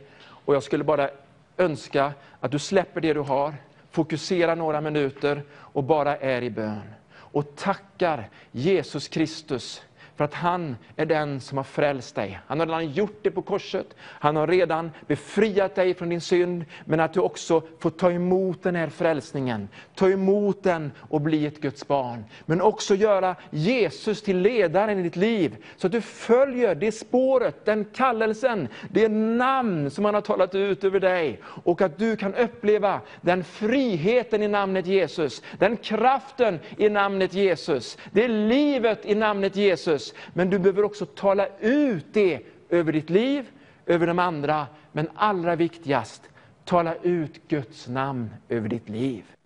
Bekänn Herren som Herre. Bekänn honom som den gode herden, som frälsaren. Bekänn honom som den som är din beskyddare, han som är din frid, han som är din rättfärdighet. Så kan du få en identitet i honom som är helt outstanding, fantastiskt. Nu lämnar jag över till er. Gud välsigne er. Herre, jag tackar dig för att du hör de här bönerna. Du hör alla som ber just nu. Du hör dem som tar emot dig av hela sitt hjärta. Du hör också alla de som i sitt innersta bara känner, jag tänker dåliga tankar, jag tänker illa tankar. Nu näpser vi dem och så kommer dina tankar Gud, rätt in i människors liv. Och ditt namn, din plan, din vägledning kommer fram i deras liv, i deras hjärta. Och så ger du dem tro för det här. Jag tackar dig Jesus. Amen.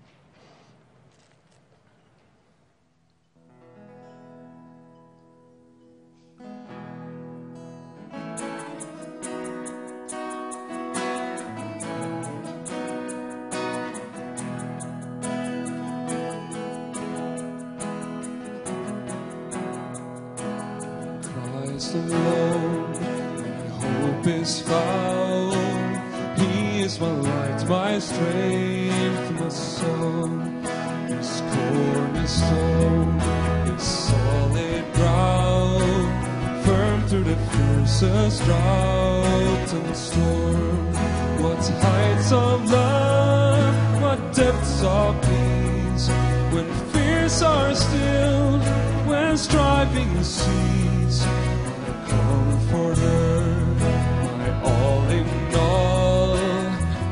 in the love of Christ I stand.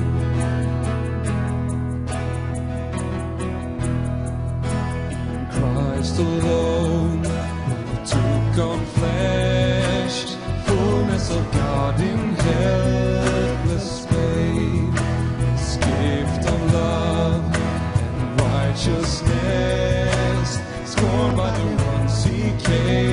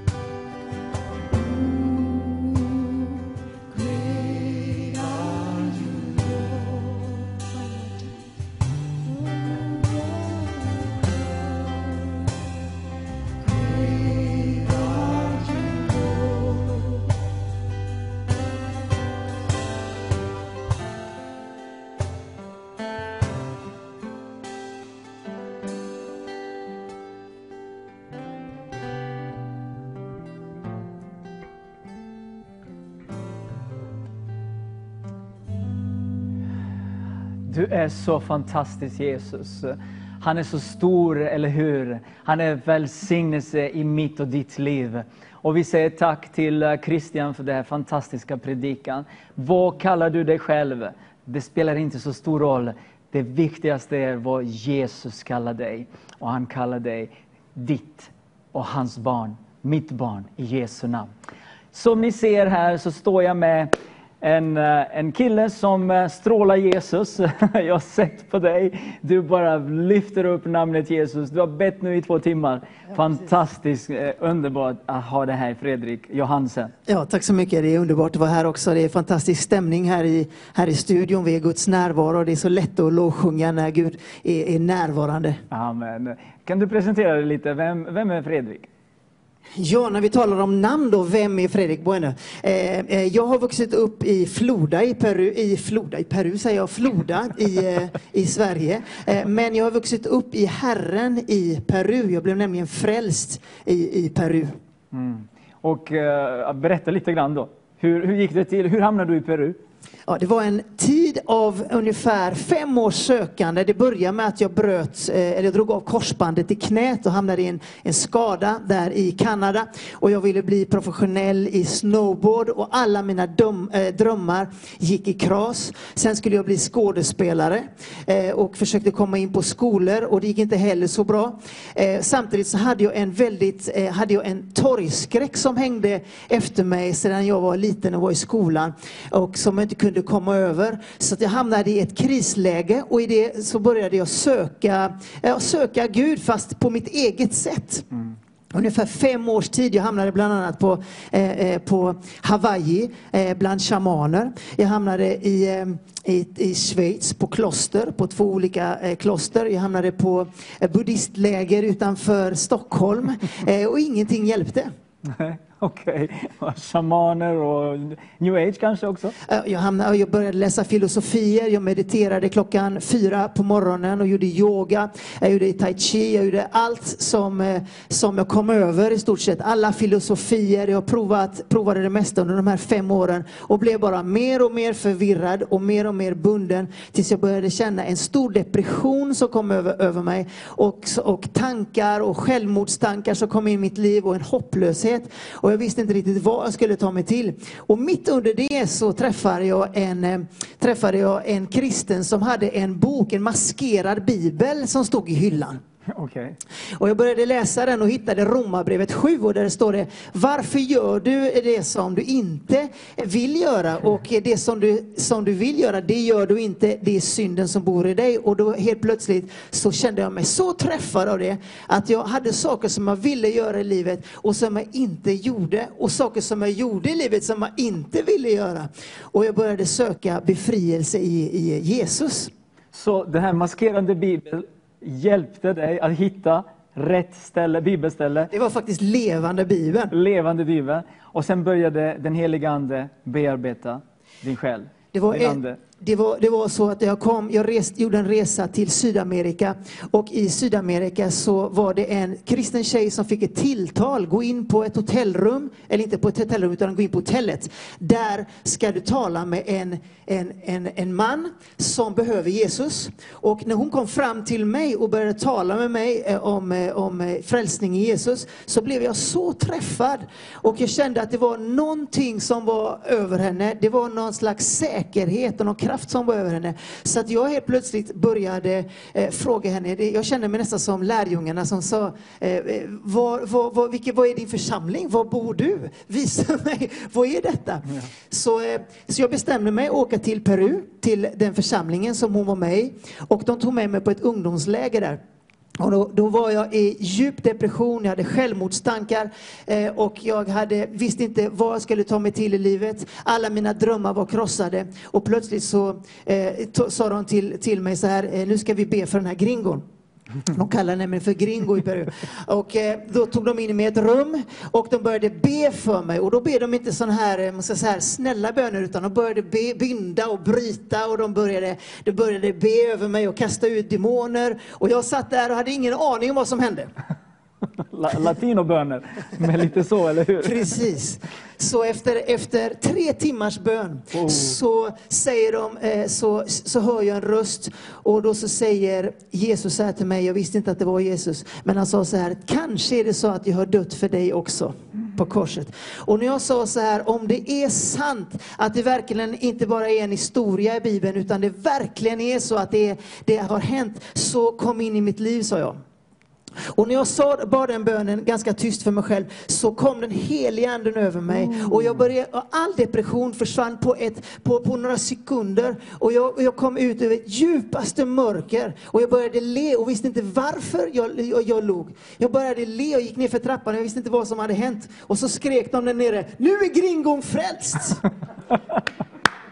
Och jag hade ju ingen aning vad som hade hänt mig. Men, näst, men samma, samma kväll där, samma kväll där så började Gud tala till mig och han sa så här, när jag såg stjärnorna så hörde jag Guds röst och han sa alla de eh, stjärnorna, det har jag gjort för dig.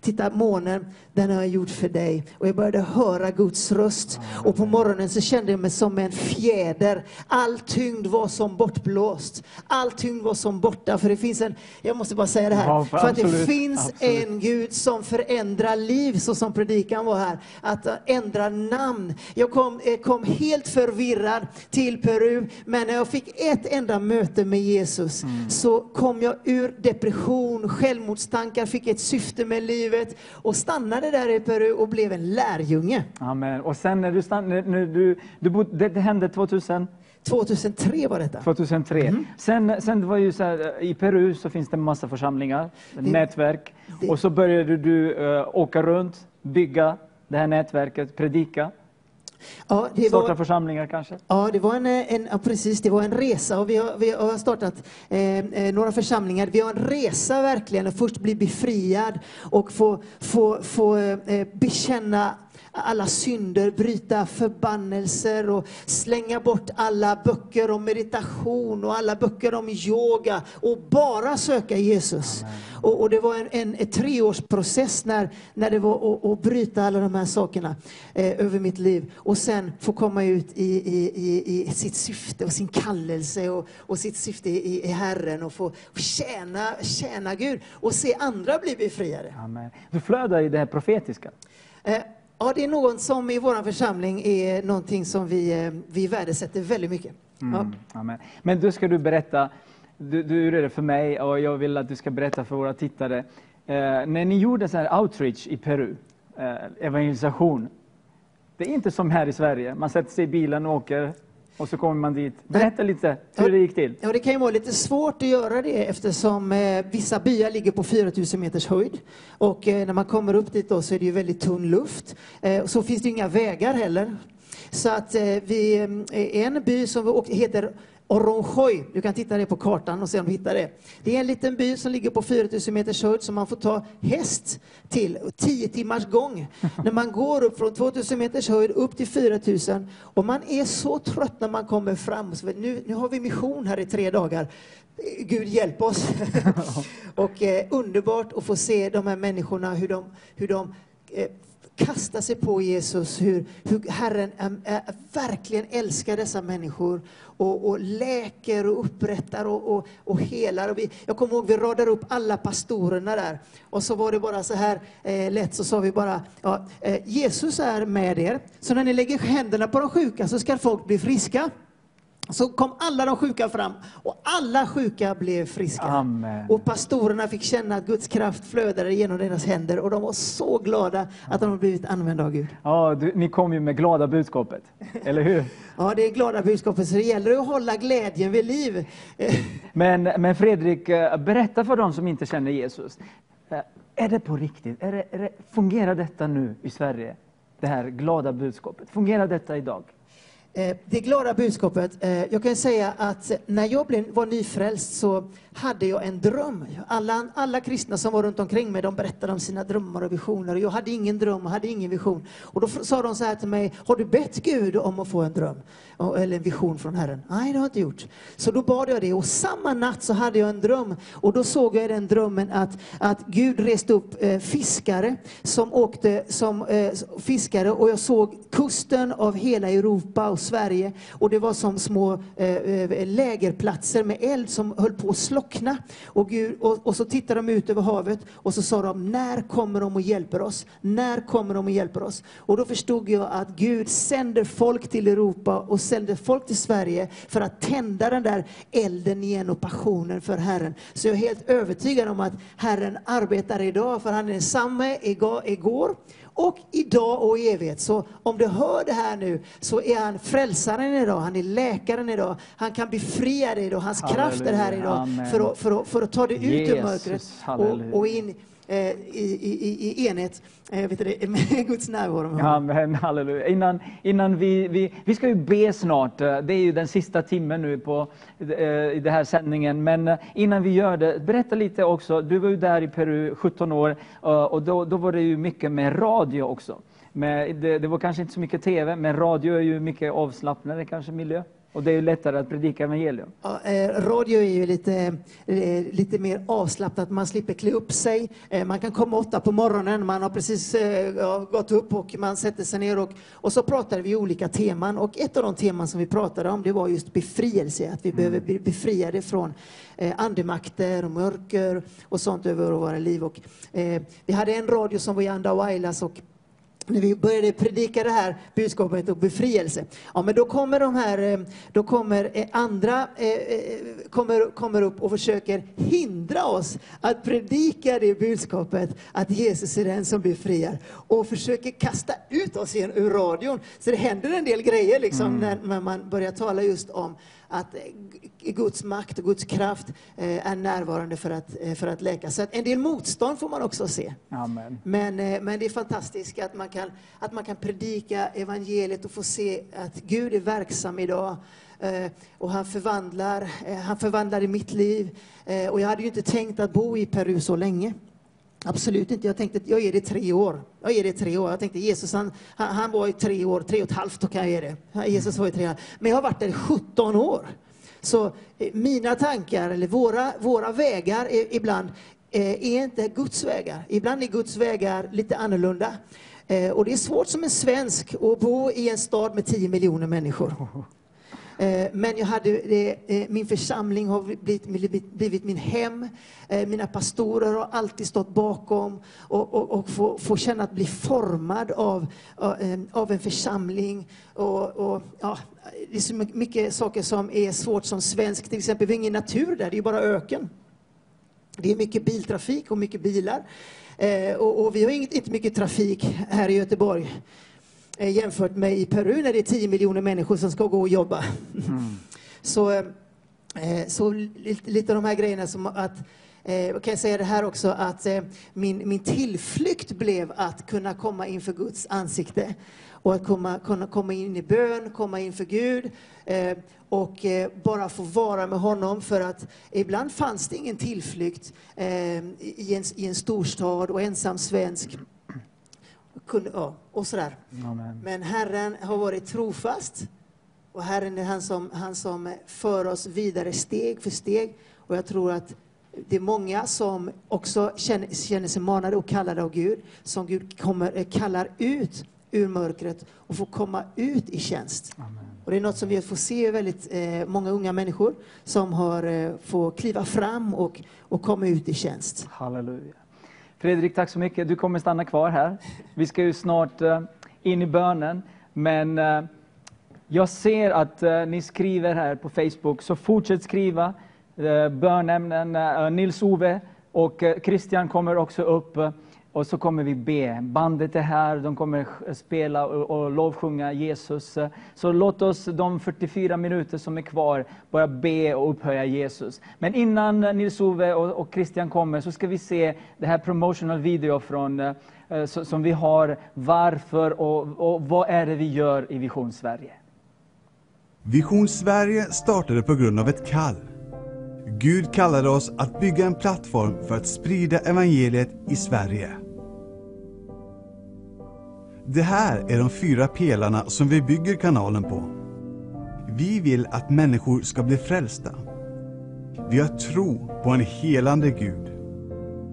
Att hjälpa de fattiga i Östeuropa. Och vi stödjer Guds folk i Israel. Vision Sverige har tro på att ha direktsändningar varje kväll för att förmedla evangeliet genom många vittnesbörd. Och varje år delar över 500 personer sina vittnesbörd under våra direktsändningar.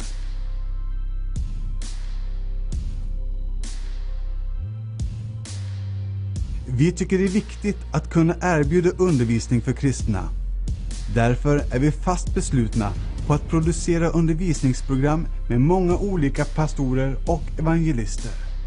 Och det är också därför vi har producerat över tusen program med flera av Guds män och kvinnor som undervisar i Bibelns budskap. Vi har alltid haft ett hjärta för att nå invandrare i Sverige som inte har svenska som modersmål. Därför har vi måndagar och tisdagar live arabiska från Stockholm med pastor Mersek Boutros. Onsdagar, torsdagar och fredagar sänder vi live på persiska och afghani. Varje lördag sänder vi det första kristna programmet i världen på kroatiska, serbiska och bosniska med Soran Kovacevic som programledare. Och från hösten 2020 börjar vi med en timmes spanska varje lördag. Varje söndag är en supersöndag.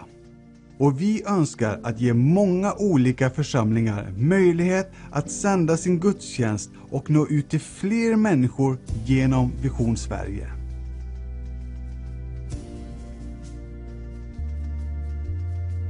Vi kan inte göra detta utan hjälp. Vi inbjuder dig att vara en del av vad Gud gör genom Vision Sverige. Stå tillsammans med oss och bli en partner idag.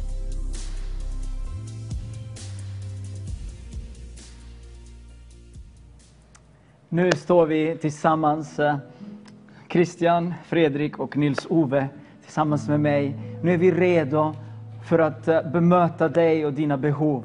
Inte vi, vi, vi, vi klarar inte detta. Men Jesus i oss, Jesus i dig. Halleluja. Det kommer bli så fantastiskt när Herren själv kommer genom rutan in i ditt rum, in på, på, på, på den platsen där du är. Jag ser det är många sms som har kommit. Det är många människor som har skrivit. Men låt oss bara låta bandet eh, leda oss i en lovsång. Vi står här tillsammans, vi ber och sen när, när vi kommer tillbaka så ska vi börja be för dig.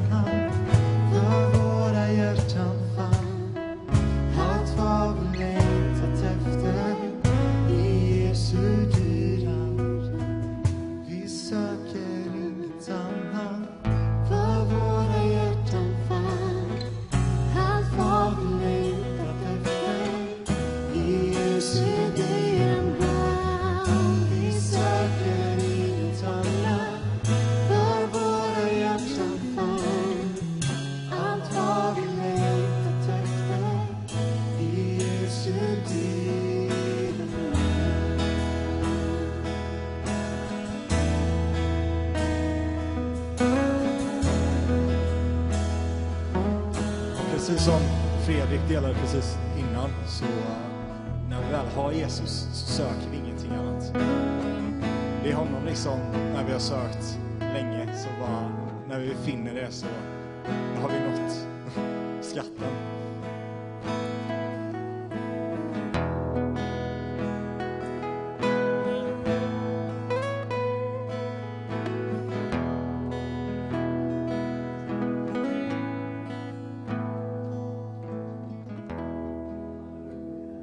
När vi söker Jesus, då behöver vi inget annat, eller hur?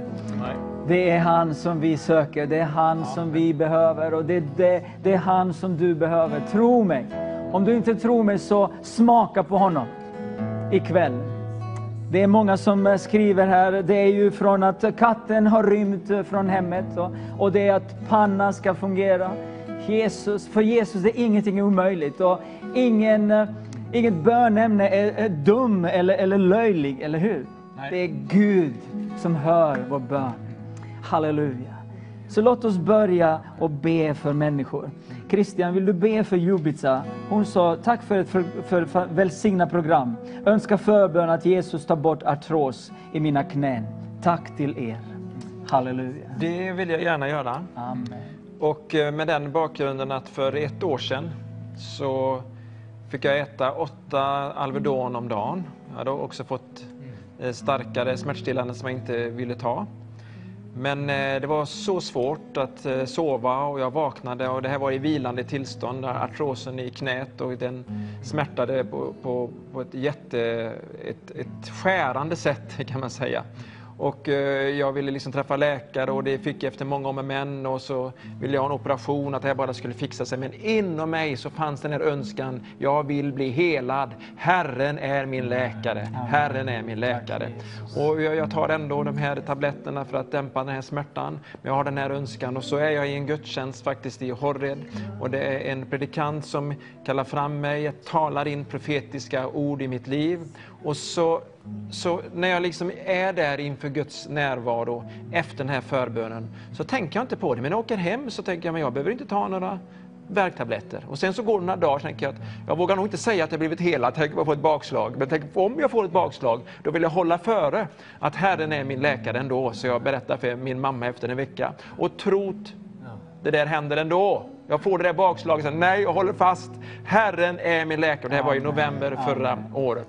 Och eh, nu har jag fortfarande tagit någon Alvedon eller två, men det har varit för huvudvärk eller stress eller någonting, men inte för den verken i knät. Halleluja! Så jag kan bara ära Gud för det. Och jag ber också att den här eh, kvinnan som har önskat det här, eh, Jobica, jag tror att det är en kvinna. Och så tackar vi dig Gud för att du är Herren vår läkare. Men du vet att det är många andra som har artros, många andra som lider i sina kroppar. Herre, det kan kännas så jobbigt och så bindande och så smärtsamt att inte kunna sova. Men Herre, du är våra läkare du ger oss frid. Under väntan på bönesvaret så ger du oss frid. För vi gör alla våra önskningar kunniga inför dig Gud och då kommer friden med en gång. Men vi ber också att bönesvaret, ditt rikes kraft ska manifesteras in i våra liv så att vi får se löftena uppfyllda och så får vi bli helade i våra kroppar. I Jesu namn. Amen. Du kanske bara är för dig själv, men du kan lägga din hand på det stället som gör ont. Om det nu är knät eller ryggen eller någonstans och tro att Herren gör någonting i den här stunden. Förvänta dig bönesvar. Han är din läkare. Halleluja. Tack Jesus. Eh, Nils eh, Ove, vill du be för Susanne och hennes ekonomisk helande och upprättelse efter en svek, svekfull och sprucken relation? Gud vet vad som hänt.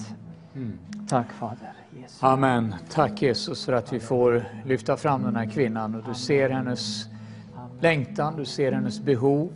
Och tack för att du vill vara henne nära just nu. Låt henne uppleva dig på ett påtagligt sätt. Du lyfter av den här bördan, att du helar och upprättar henne, att du gör ett under i hennes liv, Herre. Tack Jesus Kristus för att du vill vara henne nära och du vill uppenbara dig Jesus för henne och visa att eh, du inte bara förmår men att du också är villig att eh, svara på bön, Herre.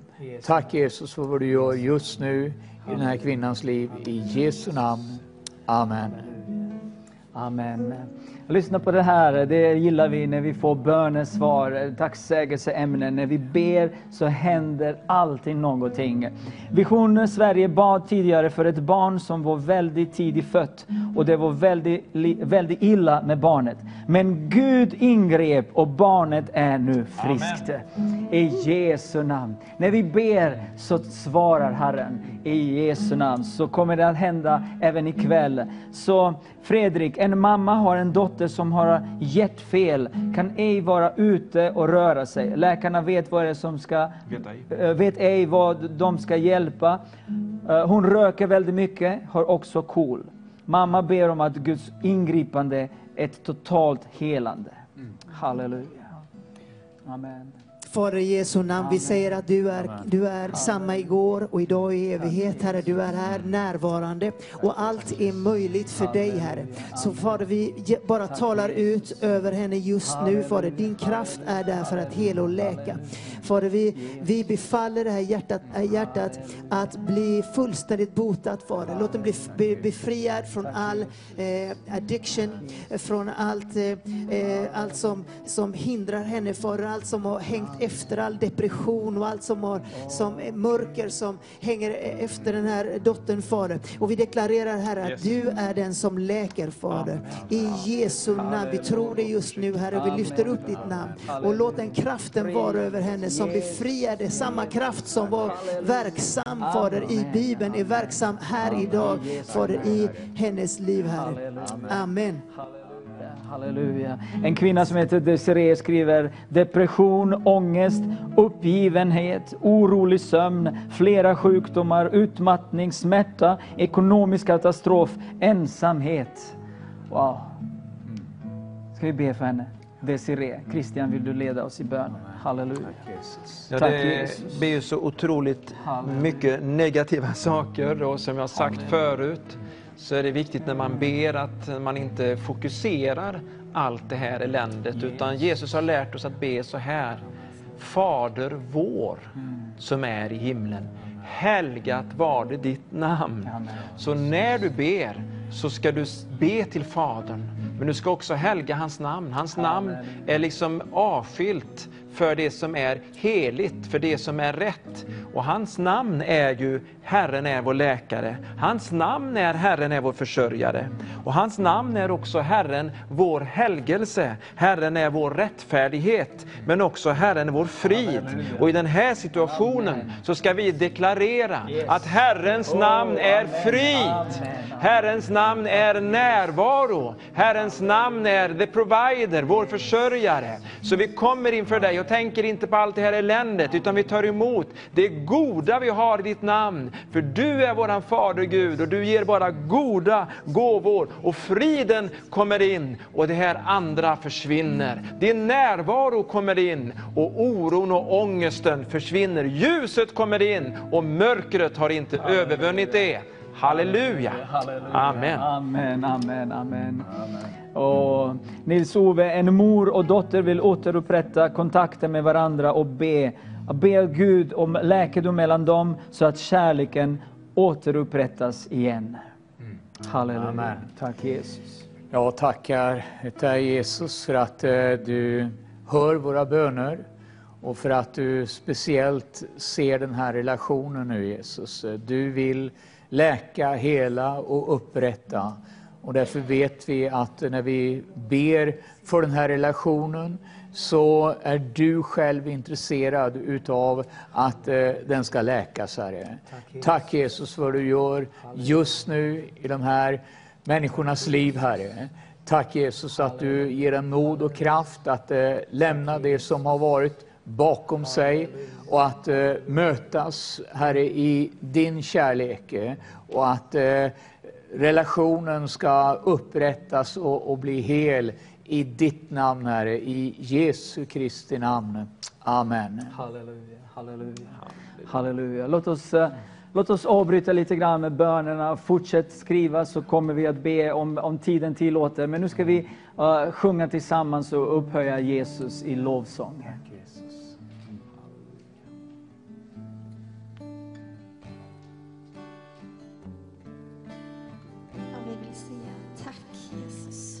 Du gör i våra liv. Tack för bönesvar, Herre.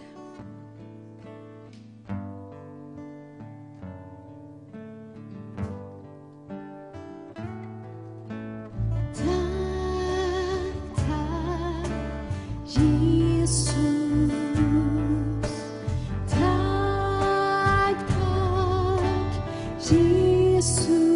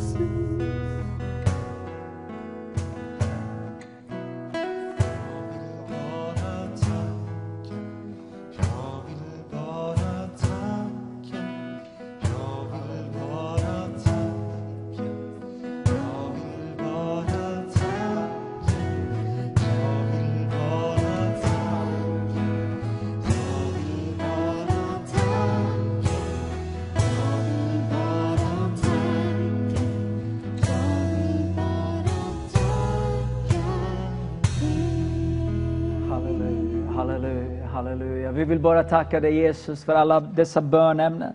Anna skriver så här, behöver Guds ledning för min framtid vad gäller jobb och kallelse. Vill gå hans väg, mitt äktenskap, äktenskap. Gud vet. Tack så mycket. Halleluja. Jag vill gärna att vi ska tillsammans be för Anna. Halleluja. Jesus, vi, be, vi, vi, vi, vi välsignar Anna just nu. Ber för hennes framtid när det gäller jobb och kallelse. Hon vill gå din väg Jesus. Och hennes äktenskap i namnet Jesus. Fader, grip in i hennes liv, hennes äktenskap, hennes kallelse. Vi ber och vi tror att du ska hjälpa Anna just nu i namnet Jesus. Amen. Fredrik, en äldre man är psykiskt sjuk och han lider av väldigt svårt och av väldigt ångest, skriker väldigt mycket. Han längtar väldigt mycket efter Gud. Han är troende. Och be också för en man med svår Parkinson. I Jesu namn, vi befaller eh, alla tankar och allting komma i sin sinnes, sinnes rätta bruk. Vi säger Fader att han sitter vid Jesu fötter. Låt din kraft vara över honom just nu. Låt det bli ett nytt sinne till honom Fader. Vi, vi, vi befaller Parkinson att gå, lämna och vi, vi tror dig Herre för att han kommer i, i sin fulla sinnesbruk och blir fullt läkt och upprättad i Jesu namn. Halleluja. Christian, en kvinna har ont i vänster överarm och armbågen. Ber om ett helande från Gud och hennes själ. Tack Jesus. Underbart. Jag tackar dig Herre Amen. för att du är våran läkare och att din helande kraft nu strömmar ut i hennes vänstra överarm och armbågen. Och den här inflammationen eller vad det nu är får bara läkas ut. I rötter, allt, varenda cell, varenda vävnad, allt ska återställas i Jesu namn. Så talar vi liv och hälsa rätt in i alla människor som har verk på olika sätt. Att de kan ta emot samma helande från dig. Herre, vi tackar dig för det. Tack att du har gett oss tron i våra hjärtan. Du är vår frid, men också vår läkare. Amen. Amen. Halleluja. Nils-Ove, en man har det jobbigt med kroppen. Det känns obehagligt. Vet ej vad det kan vara, men behöver förbön även för ensamheten. Amen. Tack Jesus. Amen. Jesus är vid din sida just nu och vi ber tillsammans i Jesu namn att eh, Herren ska gripa in. Vi tackar dig Jesus för att du ser den här mannen som upplever ensamhet och smärta i sin kropp. Tack att du Herre står vid hans sida just nu. Och vi tar emot rätt ifrån dig. Och vi tackar dig för ett ingripande och ett helande, ett upprättande. Tack Jesus för att du gör under i den här mannens liv. Vi tar emot rätt ifrån dig Herre, i Jesu namn. Amen. Amen. David skriver, be för mig, jag vill att Gud hela mig, min hälsa och välsigna mig och hans nåd. Halleluja. David, vi ber för dig. Guds välsignelse vilar över dig. Han kommer just nu över dig och hela dig. Halleluja. Åh, jag ber för välsignelse och nåd som kommer över dig. David, du är ju hans barn och han tar hand om dig i Jesu namn. Halleluja. Och lägger, eh, eh, eh, en man känner sig väldigt utsatt och utnyttjad av eh, nära vänner som ej kan eh, ge den kärlek bröder emellan. Vill att Gud ingriper och rättar till allt som har förorsakat splittringen. Fredrik skulle vilja be om det. Herre, i Jesu namn Fader. Så jag tackar dig för att du, du är den som befriar från all förkastelse Herre. Och alla som känner så, jag ber att du, det är du som befriar. Du är, herre, du är inte ensam för att jag är med dig. Jag säger samma som Jesus sa vid korset, att även alla hade lämnat, en, lämnat honom. Men Jesus sa, jag är inte ensam, Fadern är med mig, Fadern är med mig. Så jag ber att Fadern kommer över alla dem och upprättar alla, alla brutna relationer i Jesu namn. Tackar dig Jesus. Amen. Åh, amen, amen. Förbön för en kvinna med alkoholproblem behöver frälsning och ett helande. Är skulle vi vilja ta. Det kan ju vara som en jättestor börda, inte bara för de här människorna som har problemen, utan också alla som på ett annat sätt blir medberoende. Och bönämnet är, det är ju frälsning och helande. Och Herren, hans namn är frälsning. Hans namn är befrielse. Och vi behöver inte den här stimulansian. Herren har gett oss ett nytt vin som är den helige Ande.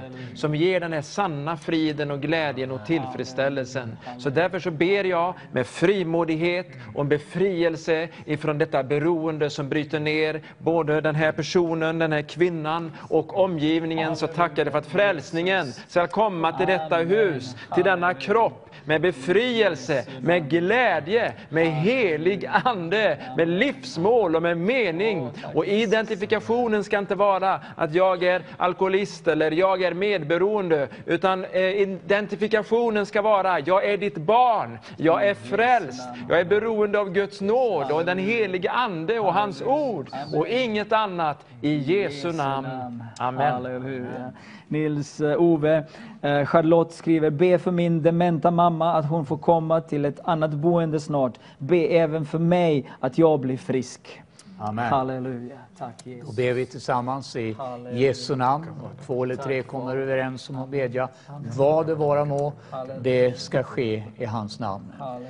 Tack Jesus för att du ser den här kvinnan som eh, behöver ett ingripande. Du ser också mamman som behöver komma till eh, ett hem. Jesus, eh, vi tror att du ska ställa allting till rätta, att du ska låta den här bönen bli besvarad och att vi får prisa och tacka dig för ditt ingripande. Tack för vad du gör just nu. I Jesu namn. Amen. Halleluja. Tack Jesus. Fredrik, bön för en mamma. Hon vill ha förbön för sin son som har en eh, hjärttumör, hjärntumör. En cancertumör som mamma vill att Gud ska hela.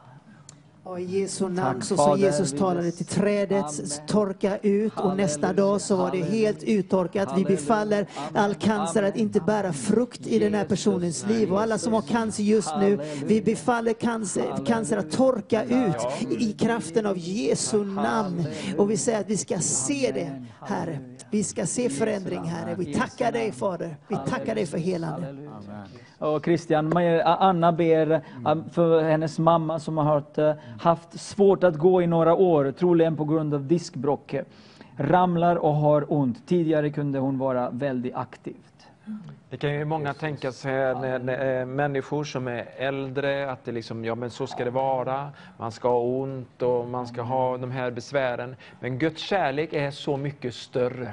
Han vill hela den som är äldre, han vill hela den som har varit sjuk väldigt länge. Och han frågar ibland bara efter att vi ska säga det här, jag vill bli frisk. Så jag bara får det här till mig, att du som hör det här, du som är sjuk, du som har ont i din kropp, du som har besvär, att du bara säger till Herren, jag vill, jag vill bli frisk. Jag vill inte ha min ident- identitet i att jag är en sjuk människa, utan jag vill ha min identitet att jag är en frisk människa i honom. Du är lika älskad som sjuk som frisk, men att du kan få den tanken och se det här och säga ut, jag vill bli frisk i Jesu namn. Jag vill bli hel i Jesu namn. Kanske självklart som du säger, jag bara fick det här till mig. Och så ber jag att denna hälsa ska komma, att diskbrocken ska läkas ut i Jesu namn. För ditt namn är större än all sjukdom och all smärta. I det namnet har vi frihet också ifrån sjukdom. Halleluja. Halleluja. Amen.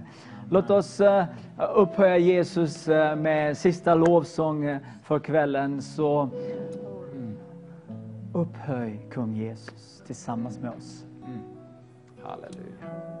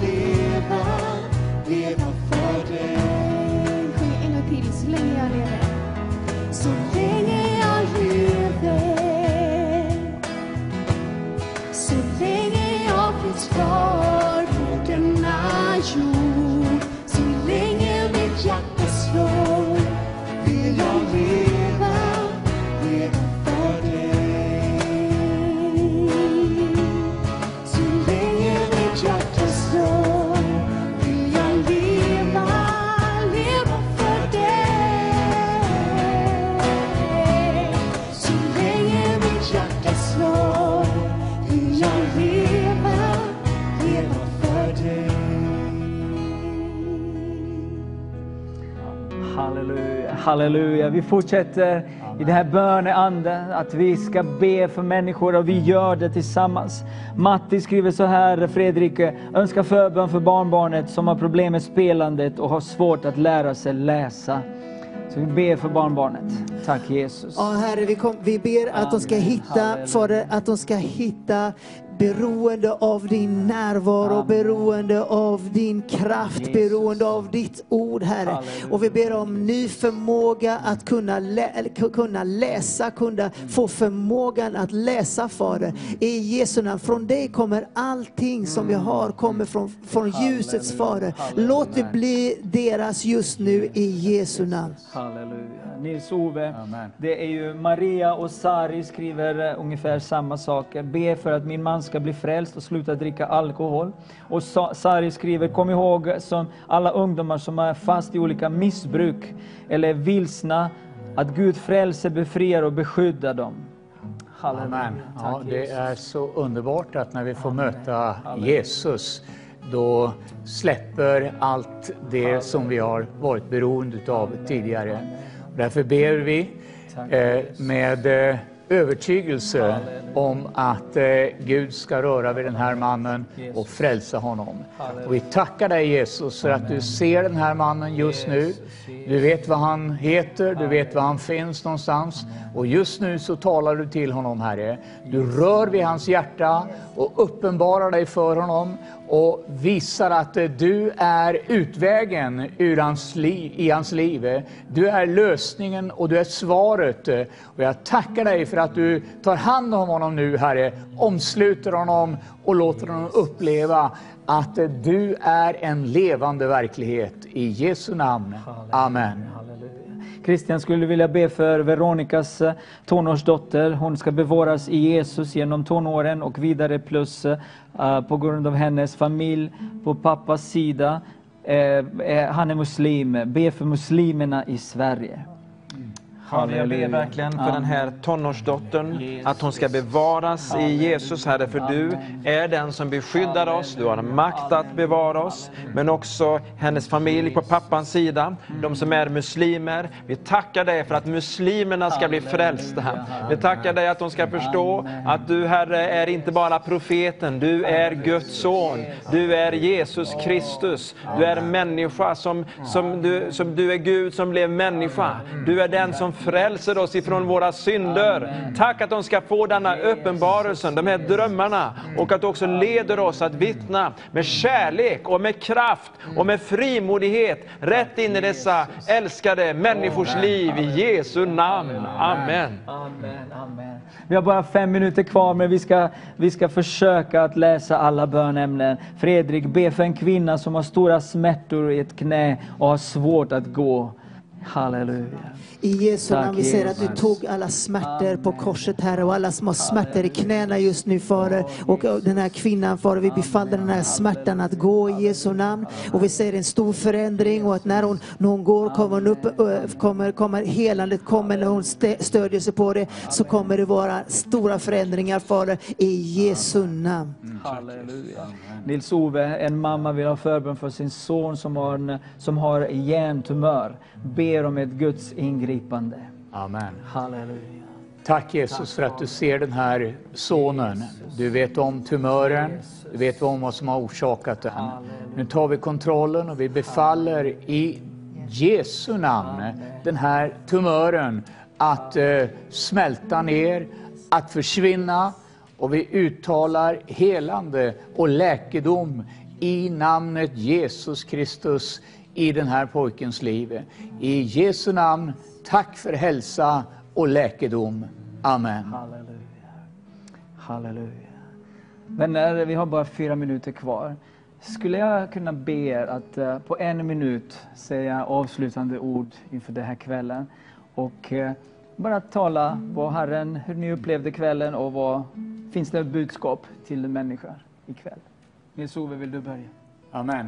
Jag tänkte så här att eh, Bibeln talar om att Gud är ljus och att intet mörker finns i honom. Föreställ dig att du sitter på ett flygplan och så ska du landa. Landningsljusen är släckta. Hur tänker du då? Sitter du och hoppas att eh, piloten ska ta risken och landa i alla fall? Kanske det går bra. Knappast. Du vill att ljusen ska vara tända. Och så är det också när vi i vårt liv går in för landning. Då vill du att ljuset ska vara tänt.